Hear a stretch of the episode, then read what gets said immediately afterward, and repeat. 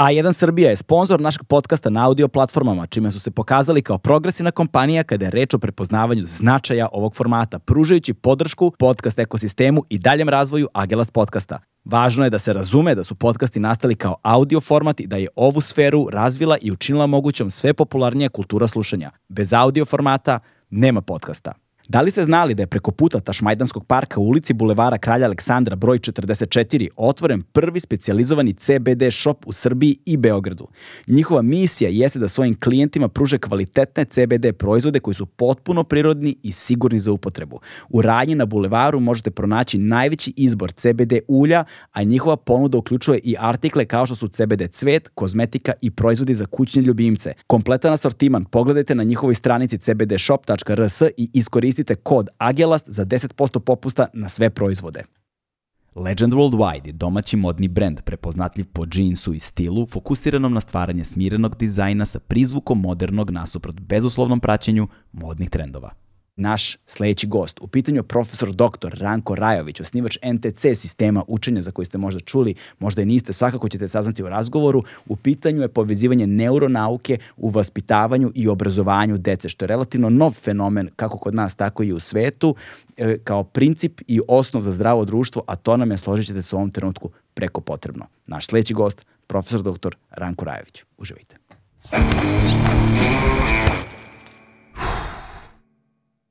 Hmm.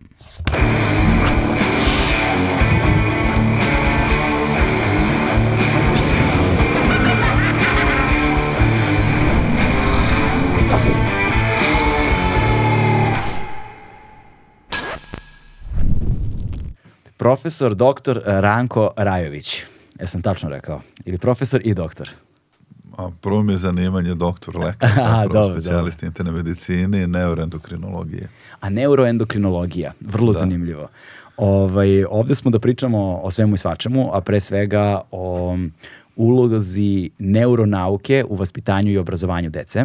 A, vrlo, vrlo uvek aktuelna tema, ali s obzirom na okolnosti u kojima živimo ovih dana, neverovatno važna i aktuelna tema i nužno ćemo morati da se osvrnemo i na te stvari, ali pre nego što počnemo, malo o, o vama, o tebi. Sad, da, da li ćemo na ti ili na vi. Ovaj, um, uh, koja je pozadina, dakle, vašeg rada i obučavanja? I prvo, prvo, to je potpuno nova oblast u medicini i u pedagogiji. To je na neki način uh, primjena medicinskih saznanja u praktičnom radu sa decom. To ranije nije postojalo. Uvijek je trebalo nešto da se dodatno objasni, da bude jasnije pedagozima, psiholozima, međutim ja sam u to nekako ušao slučajno druga godina medicine. Mm -hmm. I sad kažu, dolazi profesor Radulovački. Sad studenti, kao studenti, idemo na predavanja, nekad nešto preskočimo, ali ovo je bilo kao nešto jako važno. Naš profesor Radulovački, pitamo ko je to, pa to je kao šef katrida za neurofarmakologiju u Čikagu. Ajde da vidimo. I tada prvi put vidim jedno predavanje potpuno drugačije, pa sam bio druga godina medicine, bio sam na predavanju Ovde na Beogradskom u, no, u Novom Sadu. Sad. I odjednom čitam neki svet se otvara. On priča o REM fazi spavanja, on priča o tome kako mozak radi, on priča o onim istraživanjima, a interesantno mi smo tada imali fiziologiju medicinsku, da se nije baš puno pažnja obraćalo na REM fazu spavanja. A opet to mali organ vezan u, u sredini mozga, to je centar mozga, to je glandula pinal i smije prevodimo treće oko. Aha, okej. Okay. A s druge strane imali smo profesora koji su se baš time bavili. Sad ćemo malo tu da osvetlimo. Ljudi možete nije jasno kako treće oko, kako oko. Nije to oko, to je organ koji ima fotoreceptore. Pričat ćemo kasnije važanje za neuronauke. I mi smo učili to sa malim slovima. I sad svi koji su studirali znaju da u knjigama imamo uvek neke lekcije da su onako sitnim slovima.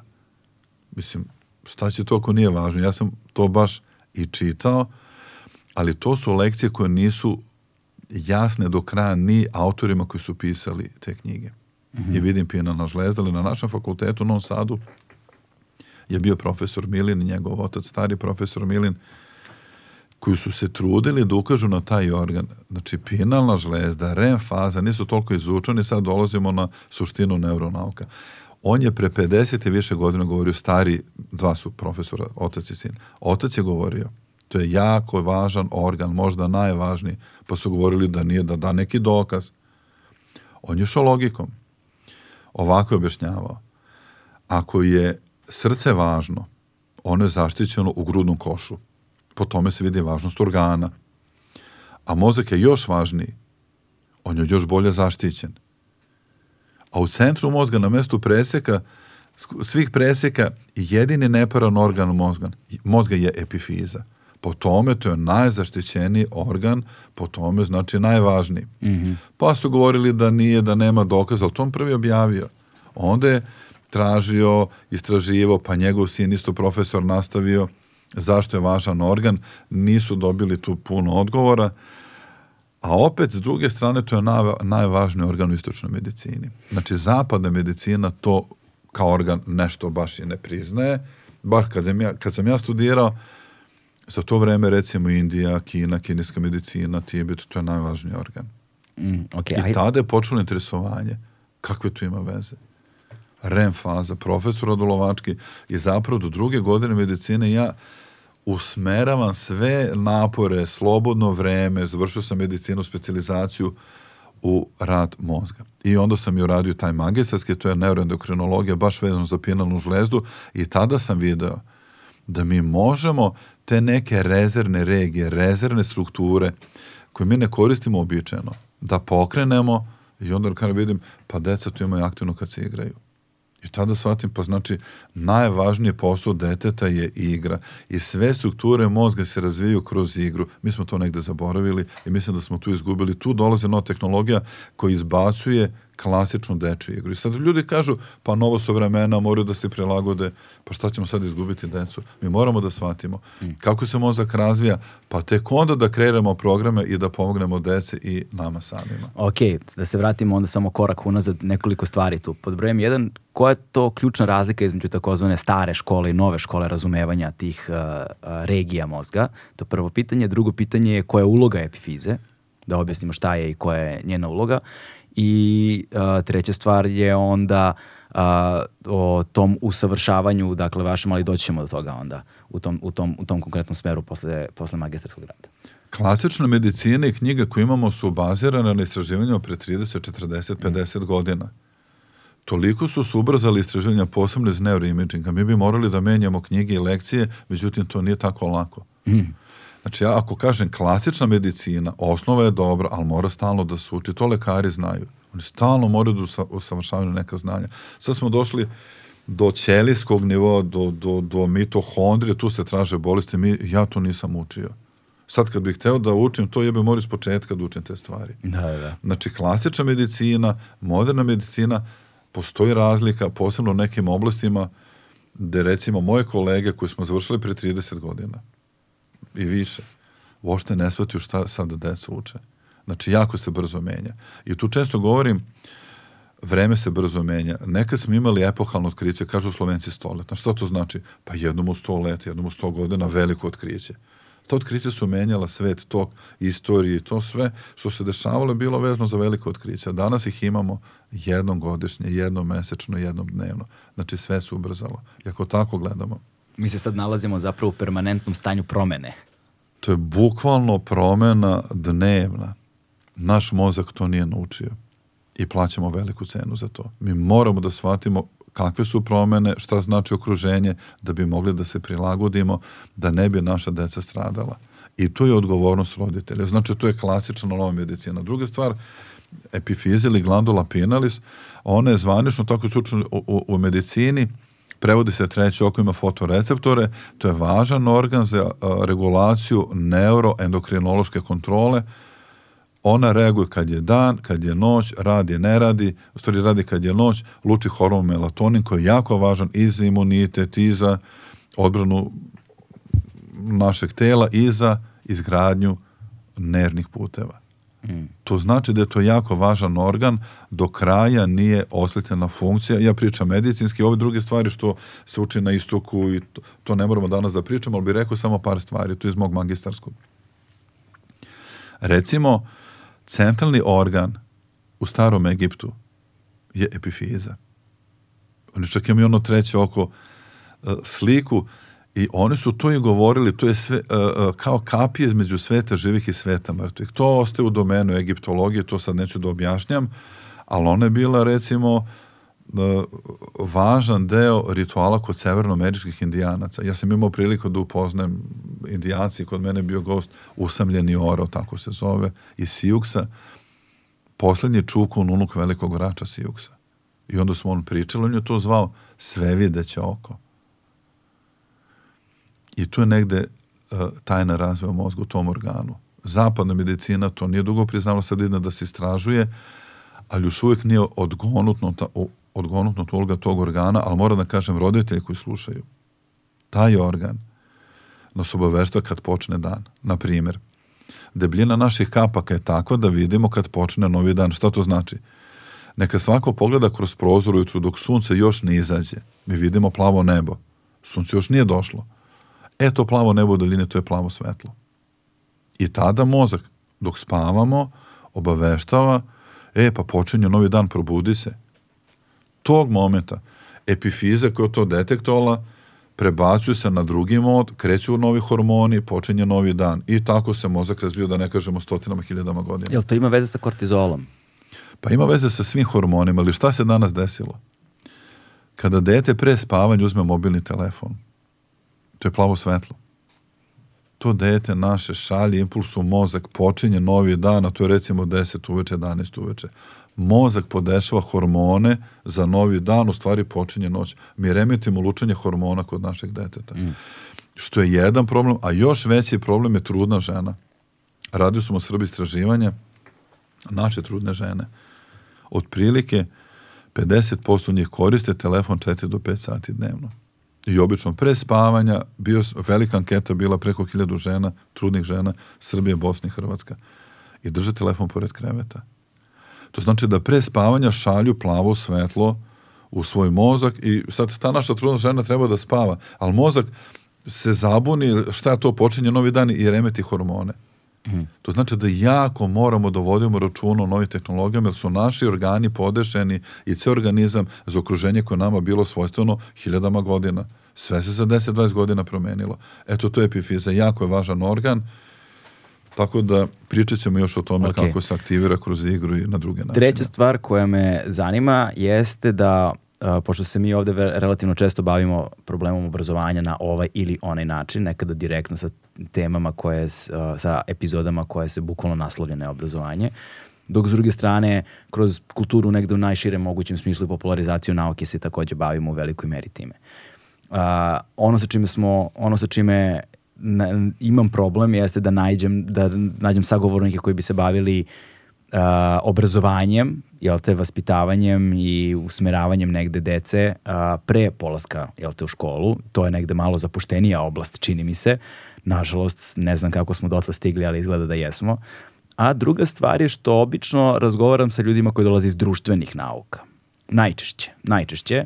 I čini mi se da negde postoji taj, hm, ne bih rekao možda prećutni sukob, nazovimo tako, možda i to preteška fraza, ali između onoga šta je kontekst društvenih nauka, širina i način na koji oni govore o stvarima koje su zemno uslovljavaju, uh, um, društveni odnosi, porodična dinamika, socioekonomski faktori svakog pojedinačnog, svake pojedinačnog deteta, osobe i tako dalje, u odnosu na ono što medicina kaže jer vrlo često čini mi se da postoje jako dobri argumenti na jednoj i na drugoj strani. Sad mene zanima koliko ovaj medicinski aspekt se zapravo preslikava na ovaj na, na, na praksu, na stvarnost i na ove društvene aspekte da. nauka koje se takođe bavi s tim stvarima.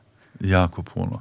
Mi tek sad shvatamo kako mozak radi. Nije to rane bilo ljudima potpuno jasno. Koje regije mozga rade kada, ne znam, učimo, kada pevamo, kada pišemo, kada mislimo, kada učimo na pamet. Sad to može da se vidi. Mm -hmm.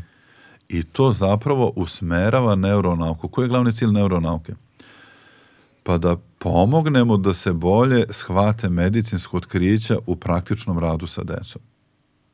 Da pomognemo detetu da se razvije, da razvije samopouzdanje, samostalnost, da može da uči, da nauči. To je osnovna uloga. I zapravo iz tog ugla se vidi da je naš sistem učenja na pamet da je to pogrešno. Znači, cela zapadna civilizacija, još imate, da ne kažem, hiljadu godina, učenje je majka znanja, onda je bilo repetitio est mater studiorum, znači Što to znači ponavljati, ponavljati, ponavljati? To je možda moglo da se radi dok je broj informacija bio ograničen. Tako je. Sad odjednom nema više e, 100 ili 200 informacija koje moramo da naučimo u osnovnoj školi ili srednjoj, sad ih je hiljadu. I sad odjednom vidimo da učenje na pamet nešto tu nije u redu. Hiljadu hiljada. Ali sad i to je problem. To ne možemo da naučimo. ne može. I onda shvatamo da moramo nešto drugačije da uradimo šta. I to se zove funkcionalno znanje. Da to što naučimo povezujemo, da razvijemo neke nove ideje, kreativnost, znači da to što imamo u glavi možemo da iskoristimo. Ako samo učimo informacije na pamet, to nije ništa. A sad ću objasniti roditeljima koji slušaju ili učiteljima, mada puno njih u Srbiji to slušalo, ovo je akreditovan program za sve ex-Jugoslovenske republike. Često pitaju, pa što da ne uče na pamet i mi smo učili? Sećam se jedna učiteljica me pitala, pa šta nama fali? I ja se malo zbunio, kažem, pa ne fali nam ništa, mislim šta da joj kažem. Jasno. Mislim da ne nabramo šta nam fali. I dam jedan primjer. Moj sin Vuk je to istraživao, uzeo je LinkedIn društvenu mrežu i tražio najtraženije zanimanje. Već ima 15 godina kako je to radio. Približi sam mikrofon kad se odmah... Da, da. Znači, pet godina kako je radio, ali gleda ono za deset godina, znači mogu da kažem iz ovog ugla. Od deset najtraženijih zanimanja danas, devet nije postojalo pre 15 godina. Mm. Ili je tek nastajalo. To praktično znači, mi spremamo decu za zanimanja koja ne postoje. I sad svi moramo da se zapitamo, pa čekajte šta je funkcija škole? Da učimo dete na pamet ili da misli? I sad shvatamo, pa mora da misli. A kada dete počinje da misli? U školi ili pre škole? Pa čim je dete progovorilo. Mi moramo da spuštamo iz neuronauka tu ranu stimulaciju. Samo da objasnim, nisam ja za rano učenje nego ranu stimulaciju da učimo dete da misli čim je prohodalo, da ga spremamo za život. Kako će sutra da se snalazi ako ne poveze informacije? I tu dolazi do osnovne postavke učenje kroz igru je jedini model koji može da uspe, a učenje na pamet je prevaziđeno. I tu dolazi do sukopa. Neke stare škole da ne shvataju, mislim, uvek ima otpor kad je nešto novo, ali ne shvataju da može da se uči drugačije, da učenje na pamet je prevaziđeno. I tek kad pokaže metode, jednu, drugu, petu, desetu, onda ljudi kažu, pa to je to. I sad već radimo 20 država Evrope, menjamo koncept učenja. Znači mora da se uči. Koliko država Evrope, nisam razumeo? 20 je 20. nešto povremeno radim, predem u 28, ali u 20 predemo ili preko fakulteta ili preko projekata EU ili je država kreditovala NTC program. I ljudi vide da mora nešto da se menja, posebno učitelji.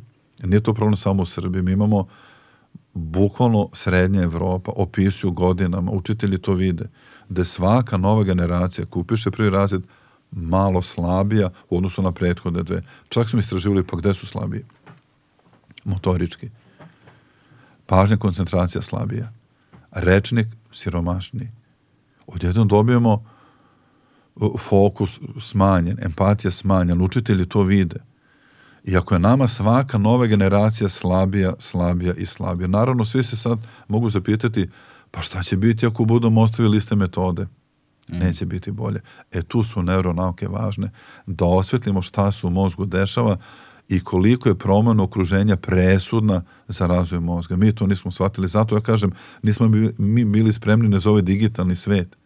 A sad nam dolaze veštačka inteligencija. Mi ni ovo nismo položili, što je tu već recimo 20 godina. Mi nismo za to bili spremni. A1 je prvi prijatelj audio izdanja Agelast podcasta. Vazio, nismo spremni za digitalni svet, a kamoli za društvene mreže, to je ono između, a, so, a tek veštačka ovo, inteligencija. Da, da, da, to možemo i objasniti. ima, jed, da, da. ima jedna lepa definicija, malo pre smo razgovarali pre nego što je počelo snimanje a, a, organizacije koja nosi naziv Centar za humane tehnologije iz Sjedinjenih američkih država, koja kaže, a, oni su to lepo definisali, kaže imamo praistorijski e, mozak, odnosno emocije, sisteme, sve, imamo srednjevekovne institucije i savremene tehnologije. I jednostavno ne postoji jednako takmičenje ni u kom pogledu Pa svega toga. da, ali taj naš mozak radi kako je radio milionima godina. Sad često kažu ljudi, pa moramo da se prilagodimo, nemojte, nestaćemo. Mi Dakle. kompjutere ne možemo pobediti. Nikako, ni slučajno. I to ću objasniti kada je pre 25 godina Mhm. Gari Kasparov izgubio od kompjutera Deep Blue. Da, tako je. Prvi bio, oni su, imali su meč prve godine Kasparov pobedio, a drugi izgubio. I tu čak zabeleženo Deep Blue je pogrešio, ali imao rezervni program da odigra potez, a da nije baš jako loš potez. On je odigrao potez koji nije očekivan, Kasparov tu me pregorao mozak, on nije znao šta se dešava, on nije mogao da spava. Hmm. I onda kad je izgubio, te druge godine, on je čak sam govorio. Teško je jako podneo. Budio se noću. I sad je bilo naravno svima nesno, pa kako može kompjuter da pobedi prvaka sveta u šahu? Jer tada to smo čitali, učili, to je nemoguće. Jer ipak čovjek mora da unese sve poteze, ali tako? Pa kako može da donese više poteze nego što može prvak sveta da ima u glavi? A se desilo, pobedio je. I tada je bilo jasno. Mi više ne možemo da budemo bolji od kompjutera ni po broju kombinacija, ni po broju informacija. Oni su nas pobedili. Odavno. To znači 25 godina. Mi smo tada morali da menjamo prioritete koji jesu definisani u tim nekim početnim neuronaukama. Pa koji su to prioriteti? Mhm. Pa da razvijemo kod dece to što kompjuteri nemaju. Šta je to? Empatija pod jedan. Pod dva, timski rad. Pod tri, kreativnost. Pod četiri, nove ideje. Tek pod pet dolazi znanje. Mi smo pali i prvi i drugi taj cijeli empatija, timski rad. Jer ne možemo mi pobediti kompjutere. Mm. I ako mi to ne budemo razvili, zato kažem, mi nismo spremni za digitalni Da. svet. Jer naš mozak radi na stari način, ne možemo tek tako da, Da. se prešalta E, na novi e, način. Razgovarat ćemo o tome, jer taj deo je malo abstraktniji i razumevanje tih modela će doći kasnije kad mi postavimo prvo koordinatni sistem. Meni je važno da se mi vratimo malo na početak, da postavimo koordinatni sistem. Možda bi bilo najbolje u, tih ne, u toj nekoj juksto poziciji, jel te, da postavimo stari sistem, odnosno ne stari sistem, nego šta je to, na koji način su se naše, ja sam među posljednjim tim analognim generacijama, dakle kada se internet, kada je internet došao kao komercijalno um, rasprostranjena stvar poput mobilnog telefona danas, Evo, 30 godina kako je postao dostupan javnosti. po- ne, ne postao dostupan javnosti, govorim da je kod nas bio baš ono Da, da, da, ali da ga je svako 30 imao. godina da. kako je postao dostupan. Da, da, da. To, je, dakle, ja sam imao 23 godine recimo kada je internet sad bio u svakom domaćinstvu. Znaš. Nije bio, ovaj, Da, ne da. znam ni da li, je- nije ni danas verovatno u svakom, ali ono, bio je baš, svuda si mogao da nađe, dođeš do interneta, recimo da si imao 23 godine da je polako potreba za internet kafeima prestala da postoji. Jer ostali su samo igronice. Tako da ja sam negde odrastao u tom analognom vremenu. Ovaj, za našu generaciju postoji taj izraz boomerang generation. To smo mi koji smo odrastali potpuno analogno i onda smo u sred naših tog mladog perioda se desila ta digitalna promena i odjednom su svega nekoliko godina mlađi od nas stvorili preveliki generacijski jaz koji je važio za recimo između ne znam, tvoje i moje generacije, na primjer. Sad se taj generacijski jaz, ta veličina generacijskog jaza se smanjila, uh, smanjila se broj godina u kom postoji ta veličina jaza i onda su oni postali konkurentniji negde na tržištima nego mi i zašto se zove boomerang generacija, jer je to globalni fenomen. To su mladi koji su se odvojili od svojih roditelja, napravili neki mali uspeh, pukli i vratili se u kuće svojih roditelja. Ovaj, a, to su ti takozvani rani milenijali. I tu je definitivno digitalna tehnologija od- odigrala jednu veliku ulogu. Ali uh, uh, kakav je to način, dakle, šta hoću da kažem, šta je to kako smo mi, po znacima navode, jel te, odrastali, na koji smo, način na koji smo mi razvili, kojim smo mi to tempom radili, koje su to neke ključne stavke koje su važne, jel te, kojima, koje si malo pre sad i sam naveo. I s druge strane, uh, koji su to problemi sa kojima se suočavaju nove generacije. Da prosto napravimo taj To je veoma jasno, da. i Mi to, taj dogled imamo- i da vidimo da, da postavimo, da postavimo taksativno jel te probleme koje imamo, pa ćemo da vidimo onda koja su potencijalne rešenja, na koji način neuronauke Pa u mi već obrazovanju. imamo mogu- sad generacije, recimo, kako koja država, tu negde 2005. Mhm. Oni su već više vremena provodili u svojoj sobi nego na igralištu, parku, na ulici. Znači, to je već generacija koja je zatvorena u neki prostor. Zašto?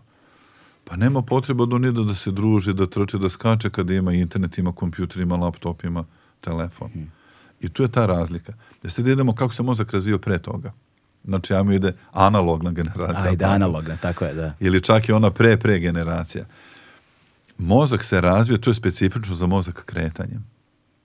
I mozak, prvi impuls za milinizaciju, to se zove sazrevanje nervnog tkiva, znači mi kad se rodimo nemamo zrele nervne puteve.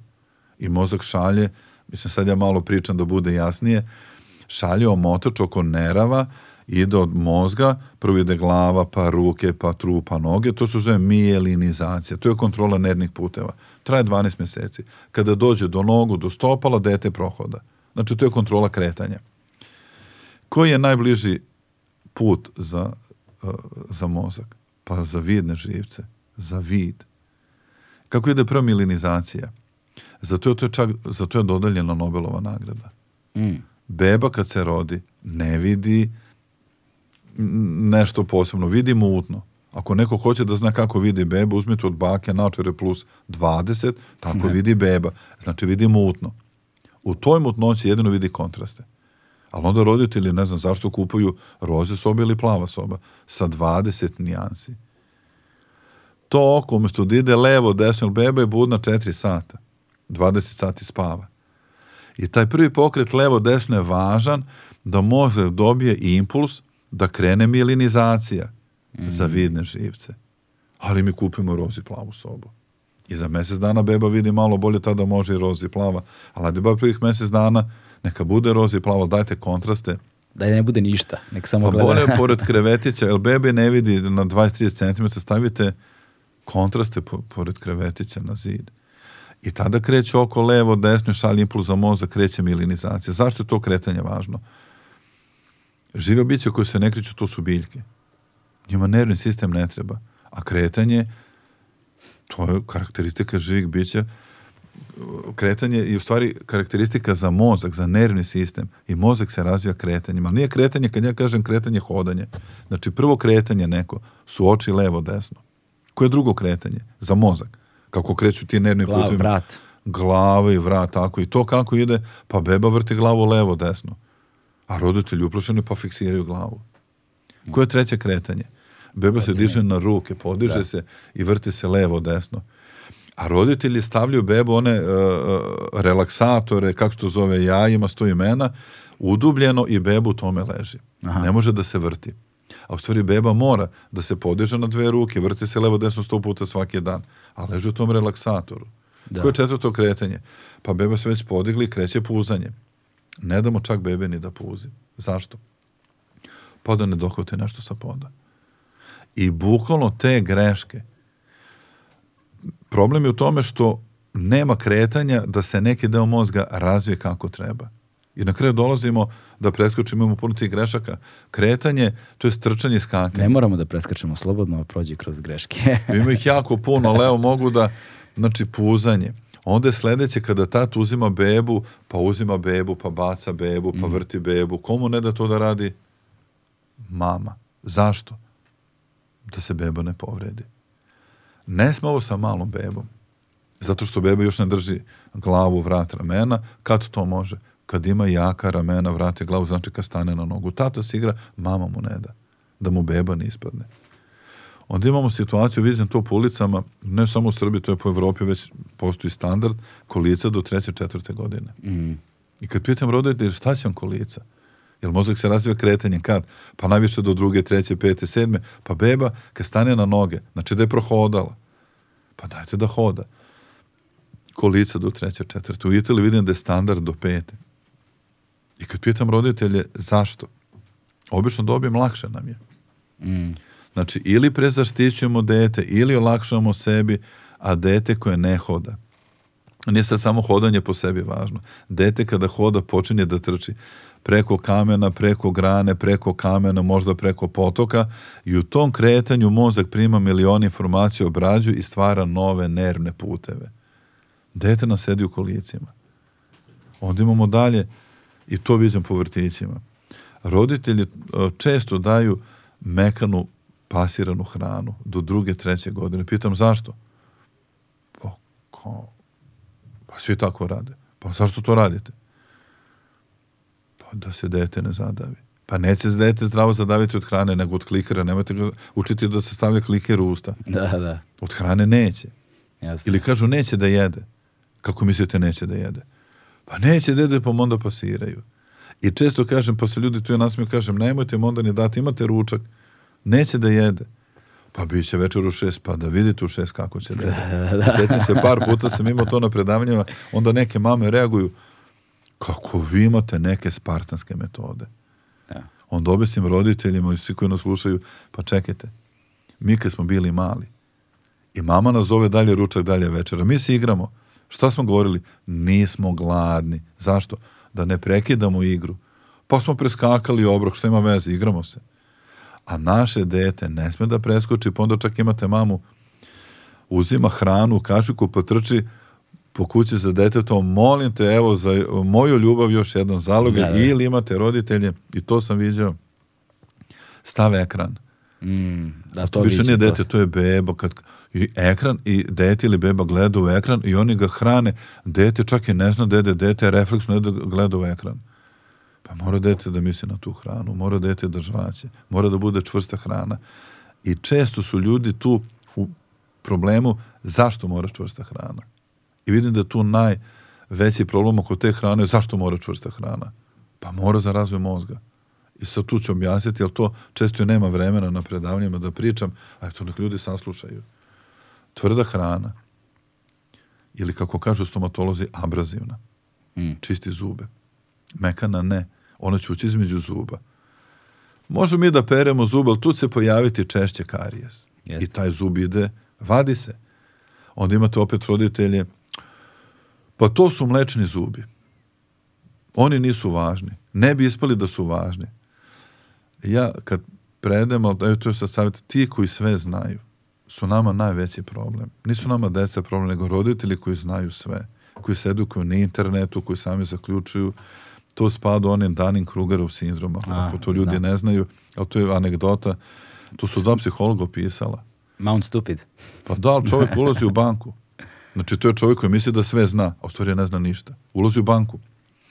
Kao dete si igrao, to može svako da proba kao neki eksperiment sa detetom, on je umakao naliv pero prazno u limun i pisao.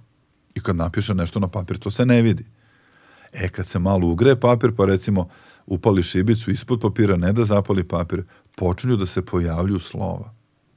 I čovek ulazi u banku, namazu se limonovim sokom i naravno uhapsili su ga, ne, kako ste me videli? I ljudi su mislili da je to neka šala, ali on ima oružje. Naravno, odmah su videli da nešto ne u redu sa njim. Onda, kako ste me videli? On je objašnjavao da je on nevidljiv. Onda su naravno zvali psihologa, opisali taj fenomen, ta dva psihologa, tako je to dobilo ime. Imamo sve više ljudi potpuno nekompetentnih. Da, meni se dopada definicija uh, Dunning-Krugerova, mislim jedna definicija kad kažu kada ljudi imaju, do, oni koji imaju dovoljno znanja da vode razgovor, ali ne dovoljno znanja da znaju da nisu u pravu. Pa da, njima se ne može objasniti. ne može nikako, da. I tako dolazimo do roditelja koji po društvenim mrežama, mrežama pišu, objašnjavaju, a stvari ne znaju. I sad za zube, kad kažu, ma to nema veze, to je mlečni zub. I onda stvarno imam problem da objasnim, ali evo sad ću objasniti, kad je karies izvede se jedan mlečni zub. Hrana automatski ide tamo gde je zagrižaj jači. Šta se dešava sa dečim licem? Ovo su jake mišiće na obrazima. I donja uh, vilica je najjača kost. Ona trpi najjači pritisak. I sad odjednom hrana ide na stranu gde je zagrižaj jači. I polako dolazi do hipertrofije tih mišića. Što nije neki problem, mislim i jeste, pojavit će se asimetrija lica. Problem je to za decu, posebno za žensku decu. Ali je tu drugi problem, funkcionalni. Jaki mišići koji su razvijeni sa jedne strane lica, oni povlače tempom mandibularni zglob koji mora da ima svoju simetriju. Sad ovde jači pritisak, on se malo pomera. Što možemo da kažemo, ajde, vezano za žvakanje hrane, za sutra možda neke pogrešne pritiske ustima, ali taj zglob kad se pomeri, povlači vratne mišiće prema sebi. I cela osovina, glava, peta se menjaju. To su dve osovine koje centralno idu i ako mi pomerimo te vratne mišiće, a osovina se promenila, jer sad je ta simetrija narušena, kičma ne može da se namesti. Kičma traži novi položaj. I počinje polako spiralno da se uvija, to je skolioza. Mm. To mi moramo da značimo da od položaja zubi, gornje, donje vilice zavisi i ta snaga tih mišića oko kičme na koji način se namešta. Mislim, ima tu još faktora, drugi mišići koji razloče uh, kičmu i taj kičmeni stup su važni, Ali mi tih drugim kišića ni nemamo. Naše dece se ne kriču. Sad kad pogledamo naše dete, nove generacije, izvadili mlečni zub, jedu mekanu hranu. Mekana hrana neće izlučiti dovoljno pljuvačke. Zašto ona važna? Tu se nalazi imunoglobulin A. To je prvi mehanizam zaštite. To znači da dete koje jede tvrdu hranu ima bolji imunitet. Mm. Bolji imunitet podrazumeva i normalnu mikrofloru u crevima. U crevima se luči serotonin. U crevima se luči serotonin. Pa 70 pa i više posto serotonina u crevima za to rad mozga. znao. To nisam znao. Jer creva se zove drugi mozak. Znači mi remetimo lučenje serotonina koji treba da razvije mozak. Da, znam za tu neku e, e, evolutivnu ideju da je nama centar zapravo nekada davno u praistoriji neko je bio u stomaku. Jer Pa dobro, ne možemo to tako pričati, ali tu je ogroman broj nervnih završetaka. Autonomni nervni sistem, on reaguje na strah, na uzbuđenje, na opasnost i mi to osjetimo u stomaku. Međutim, ako gledamo serotonin, kako može neko zbog toga što pre zaštićuje dete da sprečava lučenje nekih važnih elemenata razvoja mozga? I još nešto kod mekane hrane. Ako je smanjena donja vilica, a jeste, nema pritiska, ona neće da izraste kako treba. I naša deca, nove generacije imaju smanjena usta. I opet neko kaže, pa to nema veze. Pa kako nema veze? Jezik se neće smanjiti. Jezik je genetski kako su imali baba, deda, pradeda, prabaka. Taj jezik ne može da se namesti. On počinje polako da prominira, mi remetimo disanje. Šta je drugi problem? Gornja vilica isto nema pritisak umjesto da se raširi ovako, sad ne znam da li može kamera ovako, Da. ona se ne raširi u taj položaj, nego ostane malo podignuta. Podignuta je gornja vilica. Pritiska nosnu pregradu. A to je mekana kost koja razdvaja uh, te disane puteve. I kad krene to sve da raste u pubertetu, nosna pregrada trpi pritisak od te gornje vilice i deformiše se. Pa samo sad vidimo koliko imamo te devijacije, to je septum nazi, to je mekana kost. Mi remetimo disanje na usta, disanje na nos. To je jako važno za razvoj deteta. Sad pazite koliko samo problema oko tvrde i mekane hrane. Gde su ostale greške? I onda kad roditelji to čuju, odjedno shvate to je to, mora da se ide na čvrstu hranu, ali onda imamo problem. Mi imamo decu u vrtićima, radio sam Bosna, Slovenija, Srbija, od pet godina. Ono, šta- ne ste tvrdu hranu. Šta- šta? Bilo da vidimo sa vaspitačima, pa imamo jako puno dece koje ne jedu tvrdu hranu. Roditelji donose pasiranu hranu u vrtić. Čak u Banja Luci se sećam, ima 4-5 godina, dete ne može ni pasulj da jede ako nije spasiran. Dobio nagon za povraćanje. I onda mama donosi svaki dan pasiranu hranu. Šta smo mi uradili od dece? To znači prezaštićivanje usporava ili oštećuje razvoj deteta. A dete koje ima te probleme, ne samo da će biti kognitivno slabiji, nema samostalnost, ne vjeruje svoje sposobnosti. Odjednom dobijete dete koje je nesigurno, jedino je sigurno kod kuće, tamo može sve. Mm. A kad dođe u društvo, odjednom vidi da ne može. I onda mi tu padamo u tom razvoju dece, to su te nove generacije, a najveća greška roditelja, sad ovo što smo nabrali, je recimo video igrica. Kada dete od 5 godina, 6 godina dobije video igricu. To je znači, za mozak je to jaka stimulacija, ali preterana. I dete se brzo to, uh, javlja se ta zavisnost. I dete kad mu date telefon, video igricu, dva dana, tri dana, on već peti dan plače ako mu ne date. I to roditelji vide. I mi smo njih pustili u taj svet. Ali to nisu više kao pre 10 godina video igrice. Tu su agresivni sadržaji i moram da kažem, radio sam anketu, ima već šest godina. Već je tada bilo jasno da mi u prvom razredu i bilo oko 40-50% dece sa telefonima. To je bio uzlazni trend i, i, i počeo sam pitanje šta će biti za pet godina ako ovo ne zaustavimo. Sad već imamo decu u vrtićima, evo juče sam imao semira vaspitače naše ovdje iz Beograda. Žali se žena, ne zna šta da radi u vrtiću, deca ne donose telefon, ali se hvale koji telefon imaju kod kuće. A što je u tom najveći problem? Jedno dete, sad ne razume se koji je telefon kvalitetni, oni to već znaju, recimo imam iPod najnovi, iPod najnovi, ovo ima Samsung, nema S20, ima S8. I oni se smeju detetu koji ima Samsung S8.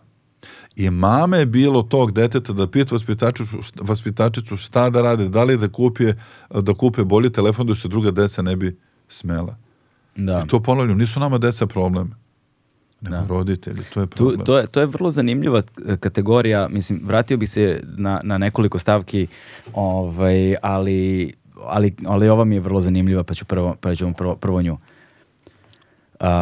postoji, čini mi se, posebno u tom periodu, ako govorimo 4-5 godina recimo, vrlo zanimljiva stvar. To je da s jedne strane želiš, posebno mislim da je to do četvrte godine možda važno, sad na, značiš ti bolje, um, da dete bude prihvaćeno, da kreira tu ne, te neke socijalne interakcije, da počne da se identifikuje, da je prihvataju, da ga prihvataju, da prihvata druge, da ostvaruje kontakte, da ume da priđe, da pita ej kako se zoveš, da od, znači važno je važno je to za iz milion razloga za Da. dete, jel te?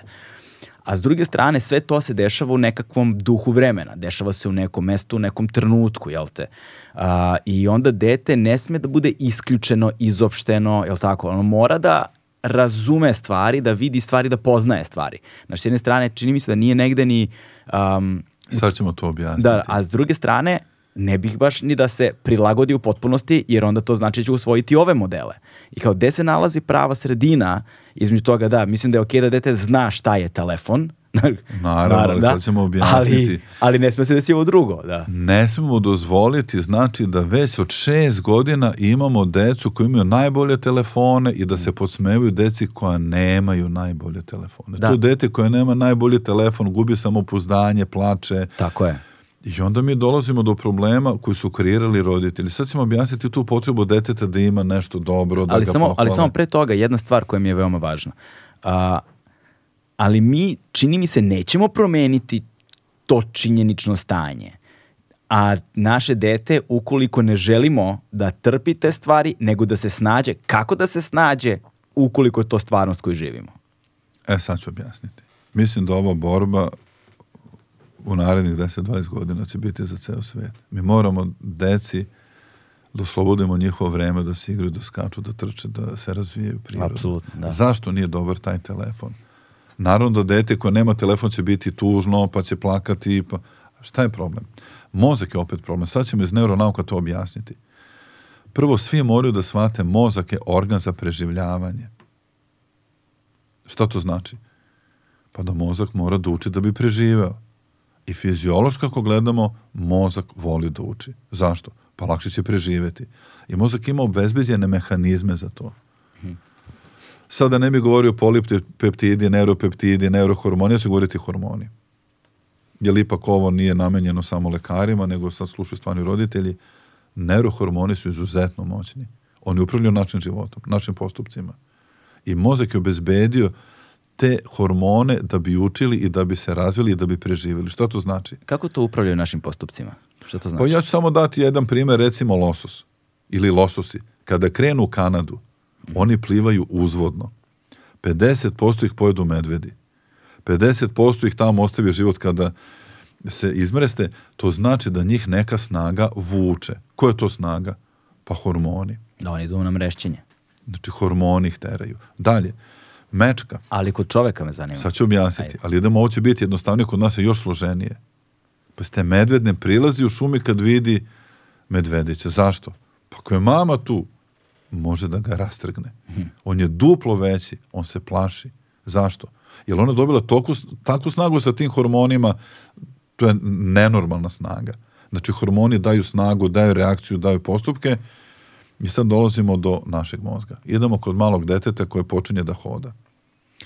Stalo je dete na noge, pokušava jedan korak, dva, drži se za fotelju, za kauč, za stolove i ide, padne, ustane i odjednom, 12 mjeseci otprilike, dete krene 5, 6, 7 koraka. Većina dece stane, pogledaju mamu i tatu i hoće da kažu mama, tata, šta je ovo? Pa ja znam da hodam. A ne može da priča. Tog momenta dete e, se sme, sreća izlazi iz njega, jer ga je mozak nagradio. Što je mozak rekao podsvesno? Bravo, naučili smo sad da hodamo, lakše ćemo preživjeti, jer mozak je organ za preživljavanje. I mozak je obezbedio te hormone sreće. To je unutrašnja motivacija da učimo, da savladamo neki problem, lakše ćemo preživeti. I to se roditelji uvek sete toga.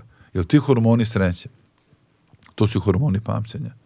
Kada se sledeći put dobije ta velika količina tih hormona, kada naučimo nešto novo, kada se potrudimo, recimo dete hoće da vozi bicikl, i sad ga pridržavaju i mama, i tata, i baka, i deda, ide, padne, ustane i odjednom 20 metara bez pridržavanja.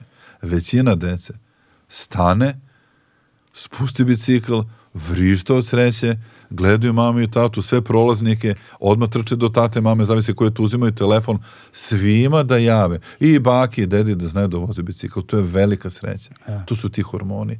I dete, dok je učilo da vozi bicikl, jedva čeka kad će da krene 20 metra.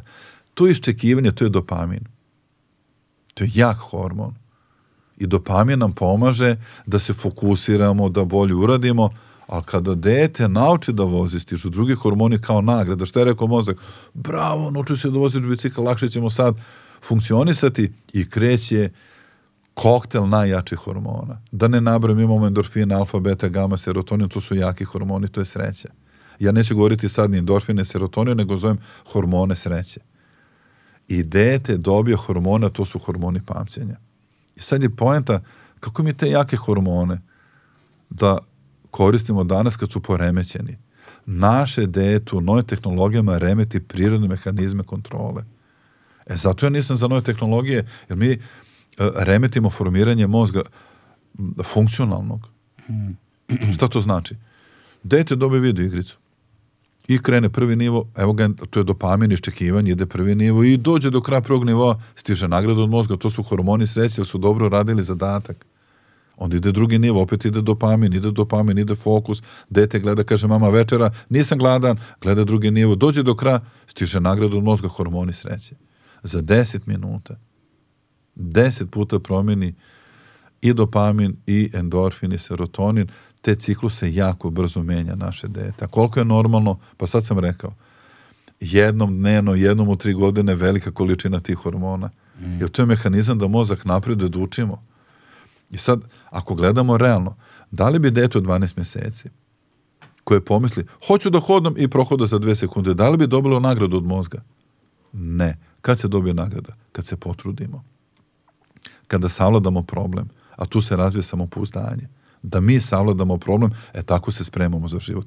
Kad idemo obrnuto, da nama neka video igrica, neki internet program donosi pregrš tih hormona, mi smo prevarili mozak. Znači, nove tehnologije prevare mozak. Zašto? Pa te programe, ja sam radio sa tim ljudima, ne podržam, ali to su programe koje rade najbolji psiholozi i, i, i specijalisti neuromedicine. Zašto? pa da privežu pažnju za tu video igricu, za taj internet program, za nešto što se brzo dešava, jer to je profit. Tako je. Što više vremena naše dete provede, neko će zaraditi, ali to naše dete ne svata, jer mozak je prevaren. Mm. Mozak se lako prevari. Samo dajte dopamine endorfina. I onda se naravno zalažem, ajde malo da vidimo šta je, šta je kontra, šta, šta možemo da uradimo. Jer ako dete koje nam je puno u tom virtualnom svetu, to je toliko puno informacija da mozak ne može da obradi. Mm, I da. onda mozak počinje da bukvalno otupljuje, ne znam koju reč da upotrebim, da bi smanjio lučenje tih hormona i onda ono što bi recimo nama bilo zgražavanje, to će nekom ko igra mesec dana biti normalno. I taj prak se spušta i pojavljuje se uh, generacijski problem kao da gube empatiju. Mm jer što više su u tomu mozak utupli, prvo gubi osjećaj i mi dolazi, dolazimo sad u generaciju koja ima sve manje empatije. Učitelji mu upozoravaju, radim u Sloveniji, nikad toga nije bilo. U Sloveniji ogroman e, porast vršnjačkog nasilja. To je nova generacija dece. Znači da su nove tehnologije nas prevarili, zato kaže mi nismo bili spremni ni za digitalni svet i za internet, a ne ovo što nas čeka. Da, da. To znači da moramo, dok se bar mozak razvija, Pa dajte do 12. godine da se mozak razvija prirodno kako se razvija hiljadama godinama. Ne možemo mi da menjamo postavke u 5 ili 10 godina ovih poslednjih, pa samo da vidimo mekana hrana. Ako je to trend, imaćemo problem sa držanjem tela, sa krivom kičmom, sa ustima, sa disanjem. Pa to je evolucija. Neko kaže, pa to je novo vreme, prilagodit će se deca. Neće. Ne može evolucija da menja za 20 godina sve postavke kako se mozak razvio hiljadama godina. Zato sam ja, da budemo oprezni, nisam ja neko da ne razume pogrešno protiv interneta. Tu stvarno ima jako korisnih stvari. I ako bi naše dete gledalo pola sata, sat, kako se sadi drveće, kako se zaliva bašta, koje su najveće reke, koje životinje recimo žive u Keniji, Da. nema veze, neka gledaju. CBD je, pored THC-a, najistraženiji kanabinoid iz sveta industrijske konoplje, samo što on nema psihoaktivno dejstvo. Mnoge studije potvrđuju njegove pozitivne efekte i pomoć pri problemu sa spavanjem. CBD ne uspavljuje niti omamljuje, ali je san čvršći i kvalitetniji. Tako reći, budimo se odmorniji. Ali Ali mi- to deca ne gledaju. ali Oni imamo- gledaju druge sadržaje. E tu dolazimo do dve stavke, ovaj, ali bih pre toga samo napravio jedan komentar. Ovo me podsjeća dosta na zapravo kreiranje modela zavisničkog ponašanja. Jer... e, Dopamin jeste, znači alkoholičari, kockari, uh, nikotinski zavisnici, pa to je dopaminsko Da. ponašanje.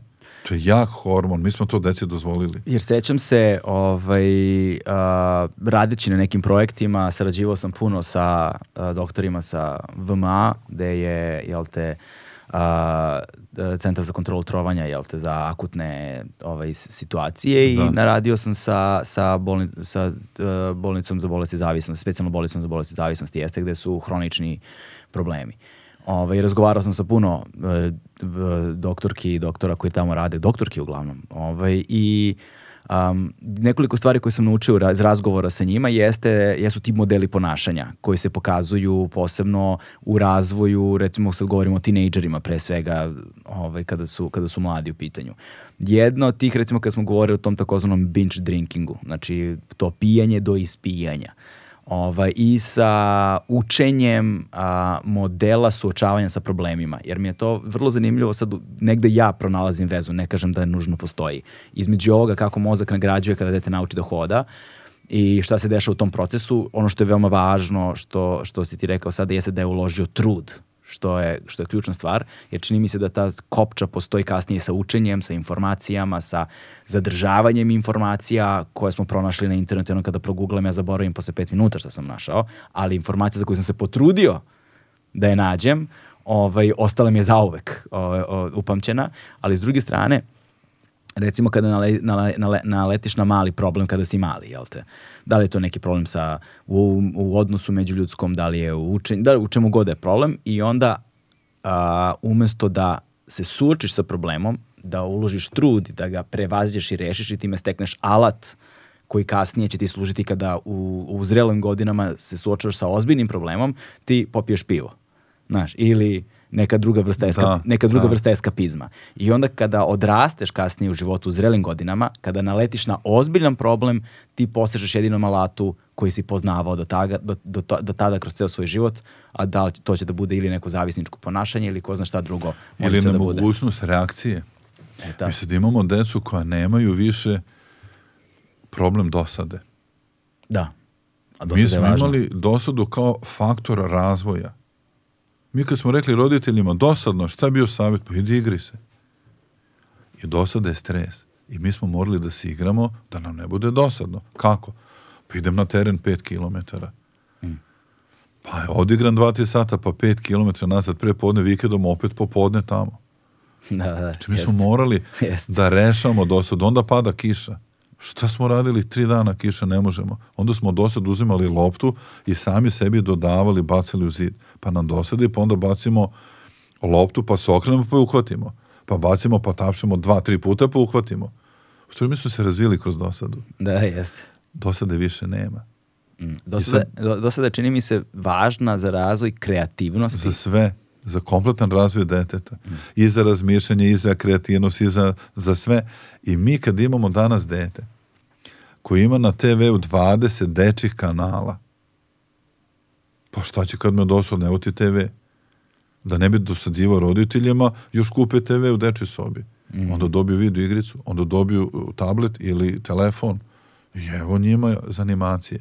Njima su se parkovi, igrališta, druženje preselilo u taj mali telefon. To jeste, to sam primetio da imamo često problem kad odemo u, vrti, u vrtić, pardon, u, u, na igralište. Da. Mora da bude baš lepo vreme.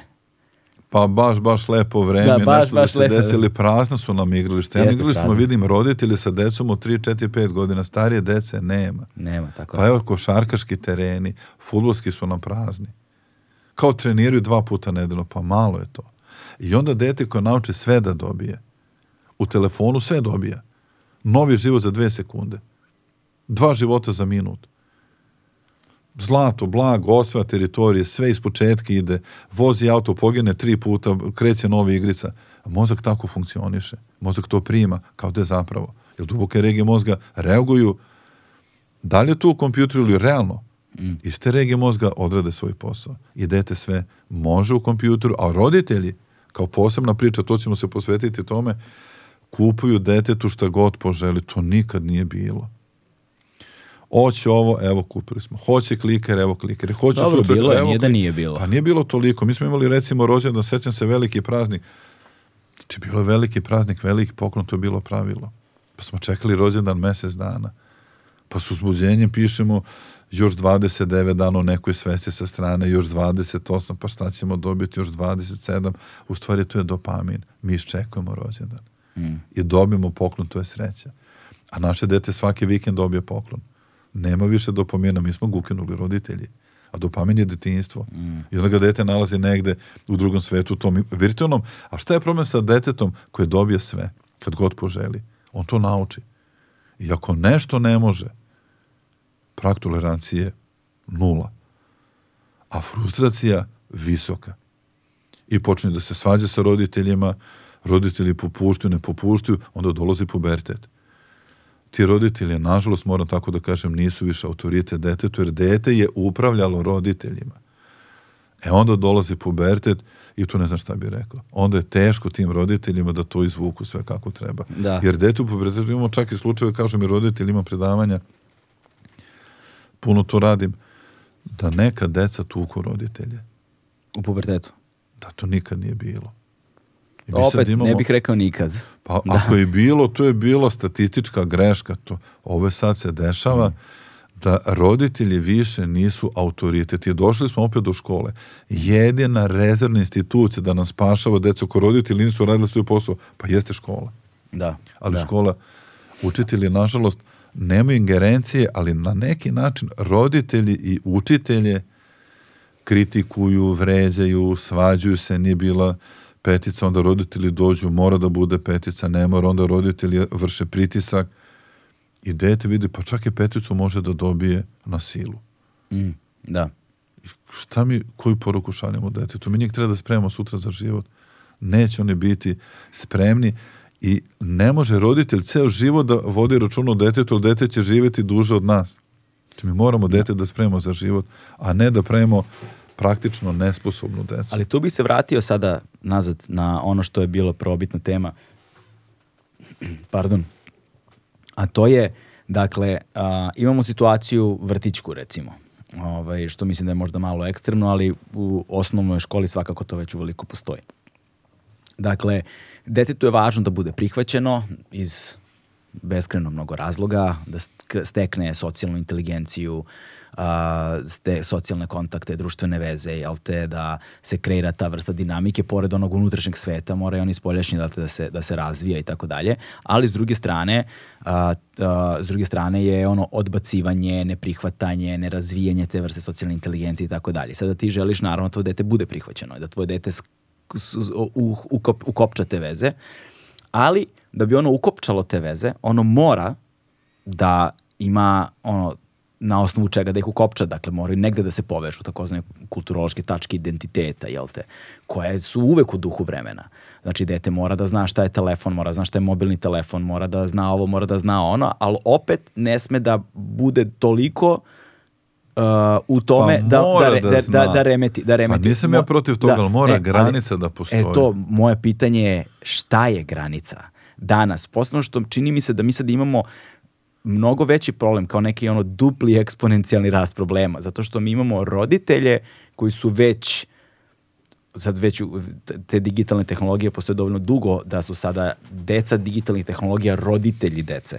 Dakle, oni su roditelji. Dece koja su u vrtićima. Dakle, da mi sad imamo...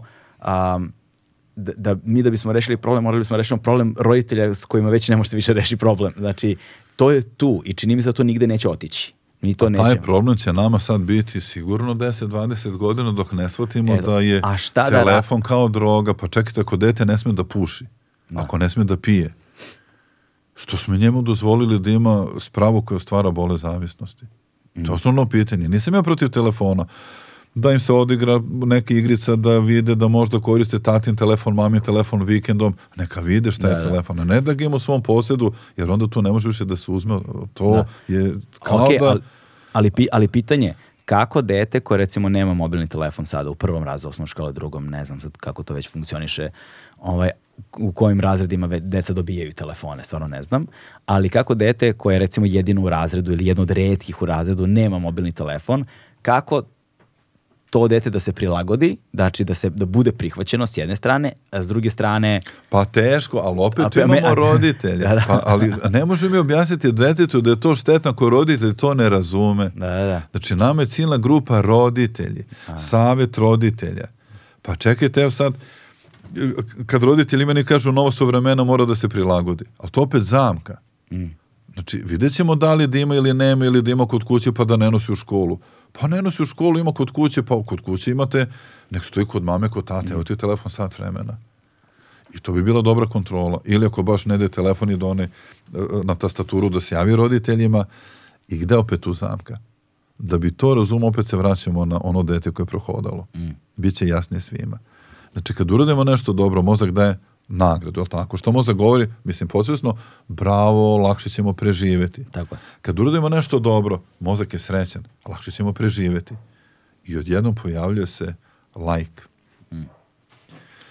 I deca, da bi dobila neku potvrdu da nešto dobro rade, okače nešto na internet i dobiju 5, 10, 50, 100 lajkova. Što više lajkova, oni su srećni, znači uspešniji. Ali onda dolazimo do absurdne situacije. Tada je počelo vršnjačko nasilje kad su krenuli ovi telefoni, to se povećalo. Da bi uradili nešto da bi dobili 100, 500 lajkova. Urade nešto zgražavajuće, snimaju dete koje ponižavaju, koje tuku, koje vređaju, okače na mrežu i dobiju 100 lajkova. Oni su srećni.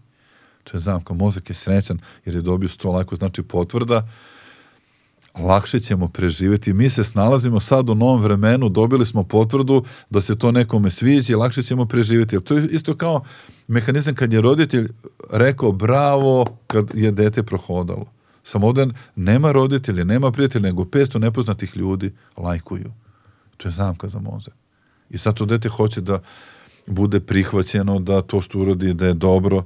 I onda umjesto da je bu- bude dobro u sportu, u trčanju, u druženju, u komunikaciji, da pomaže drugima ili da uči u školi, odjednom postaju dobri u nekim lošim stvarima. I to ni potpuno gube orijentaciju. I ko je kriv? Mislim, odgovorni su roditelji. I nisam ja, nemoj ti da razumeš pogrešno, ne treba dete da ima pristup telefonu. Neka ga pod kontrolom. Ja da sam sad, nemam sad, moja deca su velika, ali imao sam granicu za kompjuter. Pola sata, radim danima, vikendom sat i to je to. Ali uslov je bio, ako gleda pola sata u ekran, sat vremena u park. Ako gleda sat vremena u ekran, dva sata u park. Jel tu je granica, ako gleda sat i pol, mora tri sata u park, kada ide? I nisam ja njima zabranio, imali su pristup. Sad idemo, ovo je sve brže, sad idu telefon, imaju telefon. Moguće, ako smo već kupili pogrešili, neki ima telefon, kod kuće stoji. Gde? Pod ključem. Gde? Kod mame ili tate. Kad ću ga dobiti? Imaš sat vremena danas, pola sata, sat, to se dogovori. Telefon ne sme da ide u dečju sobu. Znači, ipak ima telefon. U školu ne treba da ga nosi, to opet zavisi od roditelja. Imamo jako puno škola, sad zovu me, trudim se da se deci ne da telefon u školi. Sad, recimo, u Hrvatskoj smo radili Zagorska županija, sad učiteljica dolazi, prošla edukaciju pošto NTC kreditom i za Hrvatsku. Nučila sve i sad ona dolazi kod mene, kaže, znate, ja sam jako stroga učiteljica. Pitam me šta to znači? Moraju da rade domaće, moraju sve da pišu, lepo da pišu, znači moraju da znaju sve da nauče. Kaže, sad vi kako ste ovo predavali, ja moram da menjam neke koncepte mog rada. Pa rekao, slobodno ako treba neka pomoć pišete. Žena ima 50 i nešto godina, ona će još jednu generaciju imati. I dolazi ona za mjesec dana. Šta je uradila? kad je videla ove metode učenja kroz igru, ona je ta, pomislila pa ukinuće domaće zadatke. Nema potrebe dete da ima domaće ako u školi kroz igru nauči to, jer ako je kroz igru to što je planirano naučeno, to se pamti. Da. I ona je videla da to funkcioniše, ona pita decu. Drugi razred. Da li hoćete da ovaj prekinemo sa domaćim zadacima? I oni u glas da. Kaže, dobro, ali da se dogovorimo, više telefon ne može da se donosi u školu. I odjednom negodovanja kaže, ali decu izaberite. Mm. Pošto su oni stvarno imali puno tih domaćih zadataka. Ona je staro kako učiteljica i sad oni kažu, pa dobro, onako u školi ne možemo da koristimo, nego samo kad uđemo i kad izađemo dobiju telefon, imali su neke boksove. Mm. I oni kažu, dobro, bolje nam je da ne radimo domaće, i to je to. Nema više domaćih. Ali nema telefona u školi. I još je jedan uslov imala, dobro, ali vas molim. Ako nema domaćih, na igralište, na, pa, na teren, na park, idete, igrate se, skačite, vrtite se, nema više, nemojte ni TV, ali ima molbu da čitate 15 minuta. Sad oni drugi razred, a šta da čitamo?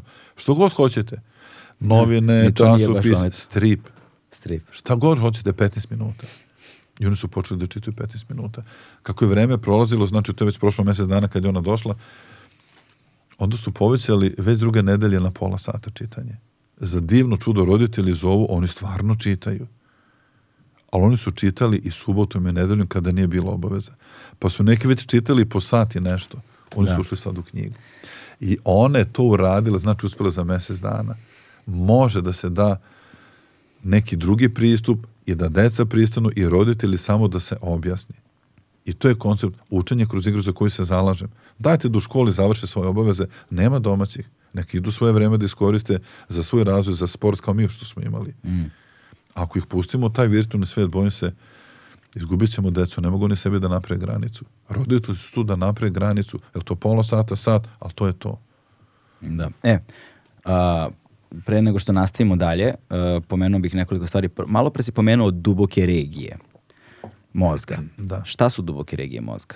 I šta... Mi imamo veliki to kora velikog mozga, a ispodnje strukture velikog mozga su kao neke antene koje propuštaju informacije u koru velikog mozga. To su bazane ganglije, neka ljudi zamisle kao klikere. Mm -hmm.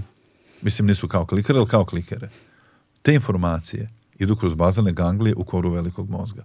I sad istraživanje ove 10 godina na Harvardu su prvi objavili naši tineđeri imaju smanjene bazane ganglije. To nikad nije bilo. To je kako bi neko rekao da generacijski imaju svi smanjene bubrege. Svaki će lekar reći pa to ne može. Kako mislite smanjene bubrege? Pa eto, imaju smanjene bubrege. Sad smo došli da su deluju mozga smanjene zapremene u odnosu na rane generacije. Koliko smanjene i šta to A znači? Nisu puno, ali to je prvi znak da nešto nije u redu. Nisu one nešto drastično smanjene. Ali ako znamo da smanjenje tih bazanih ganglija utiče na kognitivne sposobnosti, to znači da se nama smanjuju kognitivne sposobnosti. Ali bazane ganglije su deo strukture koji se zove limbički sistem, gde je glavni deo tog sistema hipokampus i amigdale. Svi su čuli za amigdale, ali to je jedan sistem. Posebno prednji deo kore velikog mozga i sad imamo bazane ganglije su smanjene zašto? I sad ti raduju koji su to opisali pre 10 godina, pa zato što nema puno kretanja. Jer mozak se razvija kretanjem. I opet mm. dolazimo na početak priče. Po koliko dete treba da se kreće? Onda sam radio istraživanje, uzeo sam, kupili smo onaj sad za maratonce, pa da vidimo. U vrtiću pređu 2-3 kilometra. U vrtiću samo ili u, vrtiću. ili u toku dana? A kod kuće ne znamo. A pitam okay. roditelje. Pa kažu još kilometar dva. Ili ni toliko. A vikendom kažu roditelji manje manje. To znači da naše dete od 5 godina dnevno pređe, ajde da kažemo od 3 do 5, 6 kilometara. Onda sam uzao decu od 6 godina, tu su bili ti naši kampovi kad ih vodimo, i uzao sam decu od 6 godina, 5 do 6 je bila grupa. Posle doručka u 9, stavili smo sad za maratonce, do 5 popodne, to je 8 sati. Kad vidimo koliko dete u svoje radno vreme od 8 sati pređe kilometara, bez forsiranja. Tu su livada, šuma, trče, igraju se, skuplju gran, granje, prave kolibe, onda radionice na otvorenom. Prešli su 20 i nešto kilometara cela grupa. 25. I ako naše dete u gradu pređe 5, a realno je 25, Mi možemo sami da shvatimo koliko njima kilometara dnevno nedostaje. I tu dolazi do problema. Jer ako mozak nema dovoljno kretanja, neće povezati te regije i to što je opisano za bazane ganglije, direktno nema kretanja. Koji je znak da nema kretanja? Pa ravna stopala. Mm. I znam kad na kongresima pedijatara pričam kolegama za ravna stopala, kad pitam koliko ima ravnih stopala, neki gradovi uzimaju otisak stopala na sistematskom, neki ne. Kad pitam zašto ne uzimate otisak stopala? Pa kao nema potrebe, skoro svi imaju ravna stopala. Skoro svi. Pa samo vi uzmete otisak stopala. Zašto? Pre 30 i više godina bilo otprilike 7 do 10% ravnih stopala. Sva, svake godine isto. Pa da, ja se sećam kad sam ja bio klinac, posebno, e, posljednji put kad se sećam da su nam gledali ono ravna tabana. Da. Kako zvali, to je bilo kada su bila testiranja za vojsku ono sa 16 godina. Da li to se već- nekad uzimalo obavezno za prvi razred, sistematski pregled? Da, sećam se, sećam se ono kao, kao kroz maglu, ali sećam se da je toga bilo. Sad da. naravno pedijatri kažu što bi to radili kad imaju skoro svi? Pa samo vi radite. Jer ako imamo ravna stopala, šta to možemo da zaključimo svi? Zašto mozak nije podigao svodove stopala? Pa nema kretanja. Mm. Ako nema kretanja, e te duboke regije mozga će nam biti možda u problemu. I sećam se uvijek istraživanja, Englezi su radili njihov tim olimpijski, Hteli su da vide, pošto i kod sportista imamo sve više taj problem ravna stopala, deformiteti stopala i sad oni su gledali kako neki indijanci Tara Humara, koga interesuje, ponovit ću ponovo, Tara Humara, imaju stopala kao iz atlasa anatomije. To su indijanci iz Meksika. Znači, maksimalno savitljivo, levo, desno, napred, nazad, poprečni uzdušni svod, znači stopalo kao iz atlasa za anatomiju. Sad bila ekipa da istražuje. Šta su videli? To su indijanci koji žive u kamenoj polupustinji. Nemaju čak ni cipele, ni patike. Imaju tanke kožne đone, onako malo privezane, da baš ne poseče tabane kad hoda po tom kamenju. Dnevno prelaze, šta misliš? Pa sigurno prelaze mnogo više od 25 km. 50 do 100 km. Da. A šta rade roditelji? Oni žive tu da ih spreme. Da, oj, da bi dete ojačalo stopalo. Kao mali imaju drvene lopte. Ne da igraju futbal, jer bi polomili stopalo. nego da je rolaju.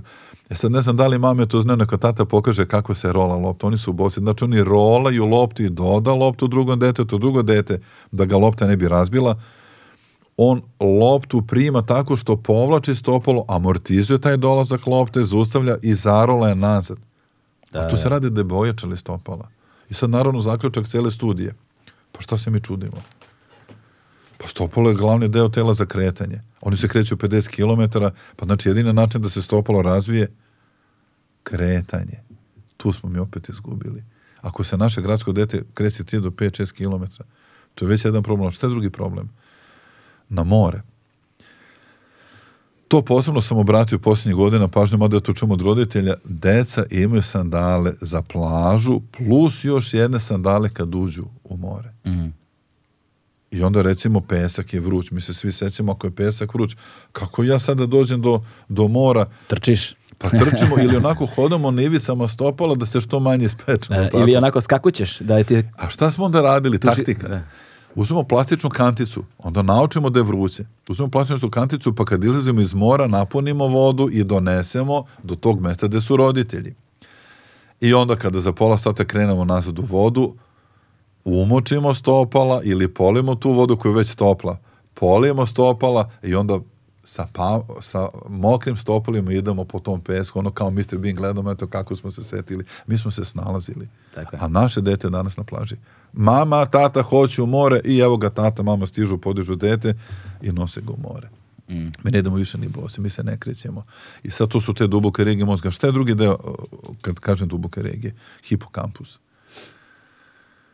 To je mesto, to je kao neki hard disk. Ne mogu ja reći da je to hard disk, ali to je jako važan deo mozga za uh, pamćenje i za Čuvanje, analizu. čuvanje informacija i obradu podataka. Ajde da kažemo, mislim, nije, ali ajde da ga nazovemo hard disk. Da. Tu su sve informacije. I sad dolazimo do toga da je to smanjeno.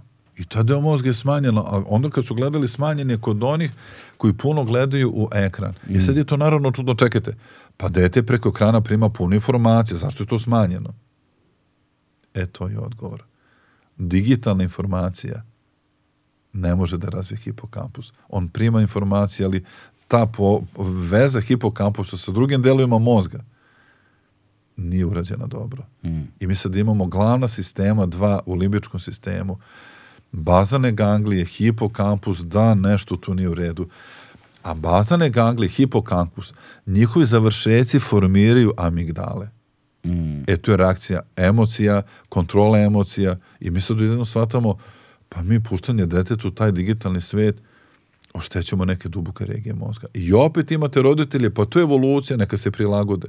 Tu u stvari znači da mi postajemo kompjuteri. Kompjuter nema emociju.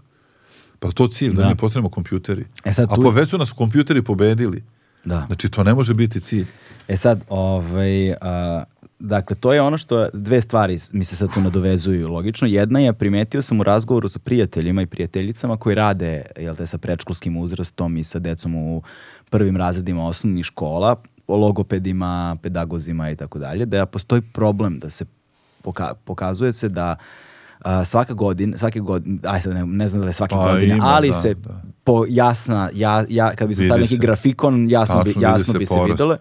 E, Porast a, dece, a, sad za motoriku i to ni- nisam, to ne znam, ali da recimo a, ne govore dobro, nemaju dovoljno veliki fond reči, da vrlo često, vrlo često, Kasnije progovaraju. kasnije progovaraju, da se dešava da dolaze do tog uzrasta da izgovaraju prve slogove samo. Znaš kako će to izgledati ako ništa ne uradimo? Pa nama će trebati logoped za svaki vrtić, Mm. za svaku školu, pa njih nema dovoljno. Znači, morat ćemo još jedan fakultet da otvaramo. Da. Mislim, svaka čast kolegama koji se time bave. Ali mi njih imamo sad malo u odnosu na potrebe.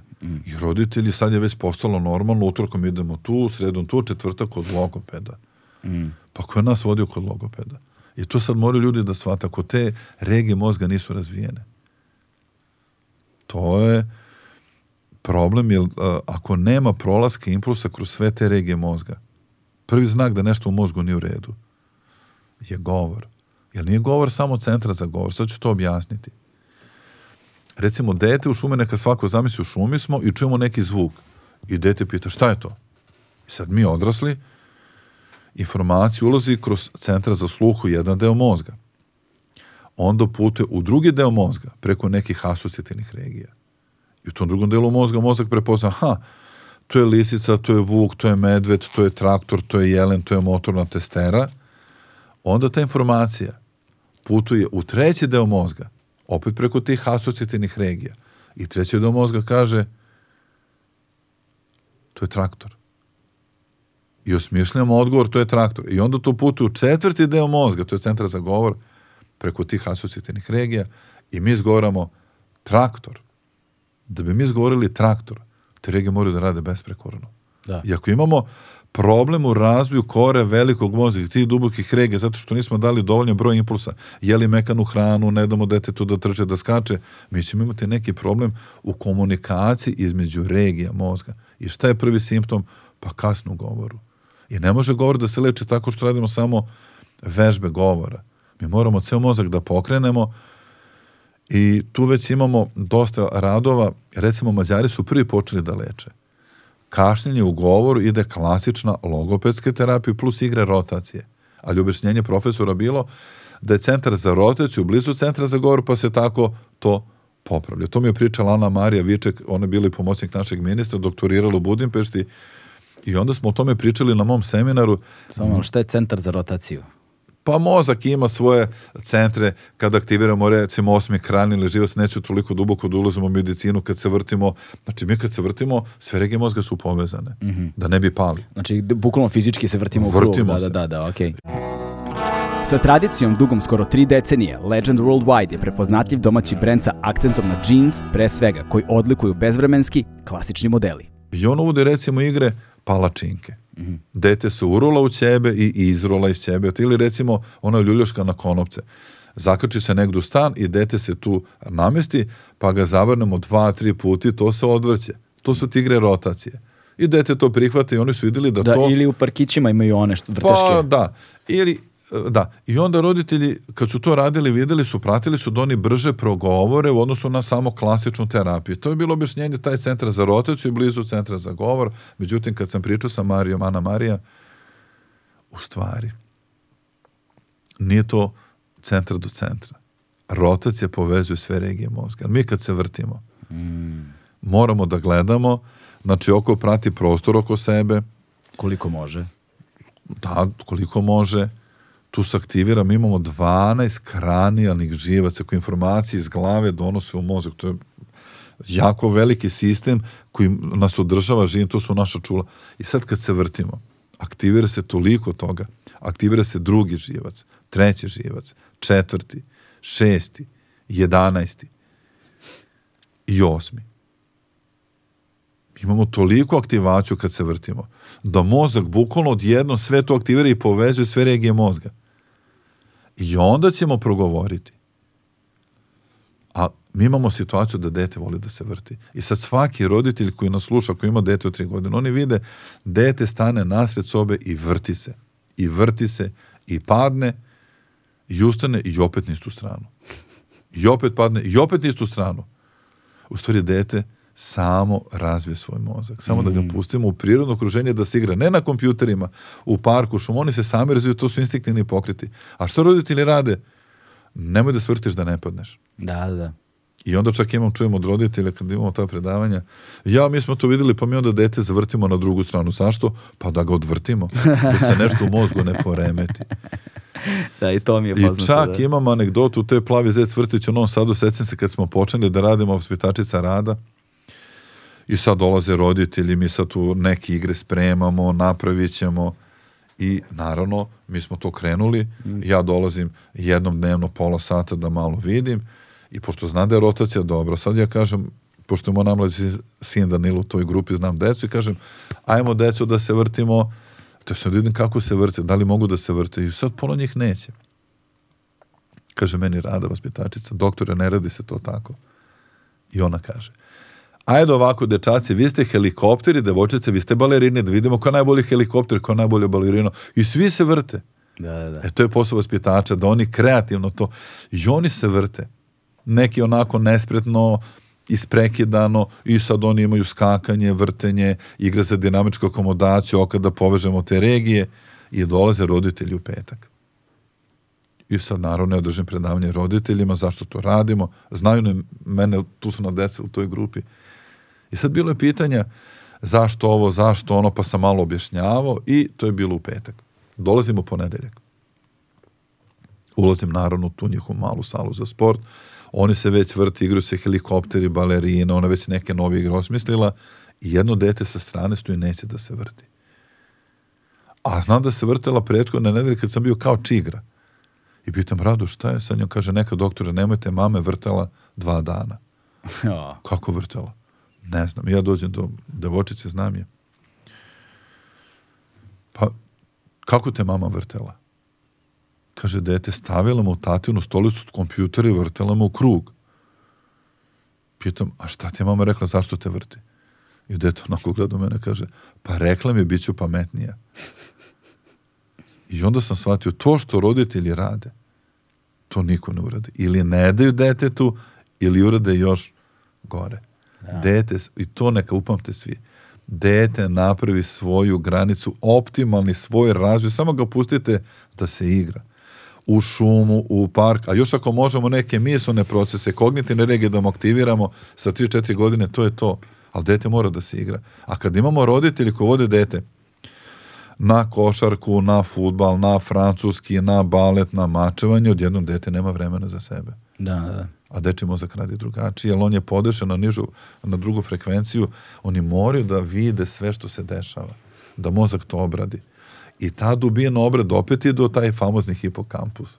da. I to je ta duboka pažnja kad često dam taj primjer, to je moja čerka, ona je inače neuronaučnik, Iva, napisala je tekst deči sad drugačije kuca, kako se mozak razvija. Dete, recimo, 3-4 godine vidi ptica sletela na prozor i gleda u pticu. To je doživlje to prepodne. Ptica je sletela, pozobala par zrna, malo se zadržala i odletela. To je centralni događaj za to dete, to je novo taj dan što će naučiti. Za nas, šta bi mi videli? Ptica doletela, ptica odletela. Jer deči mozak mora tu informaciju da obradi, da uđe u duboke regije mozga, da je pohrani negde, da poveže s nečim i tako se mozak razvija. Ali mi kad vodimo dete na jednu aktivnost, na drugu, na petu, na desetu, to da ga spremimo za život, dete nema vremena za sebe. Mhm. I onda mi sad dobijemo generacijski problem, još ako i pustimo taj brzi virtualni svet, to se zove hiperpažnja. Naše dete nema pažnju kao mi. Oni uče recimo malo starije dece kad krenu prve veće lekcije, uče 10-15 minuta i ne mogu. Onda ide pauza pola sata. Onda mama moli, ajde još malo, pa mu mama čita lekciju, pa prepričava lekciju. Naše dete ne može onda uči 5 minuta, ni toliko. Ali da mu damo video igricu, dva sata bez problema. I tu smo mi u tim dubokim regijama mozga vidimo u neuronaukama da su one već malo smanjene.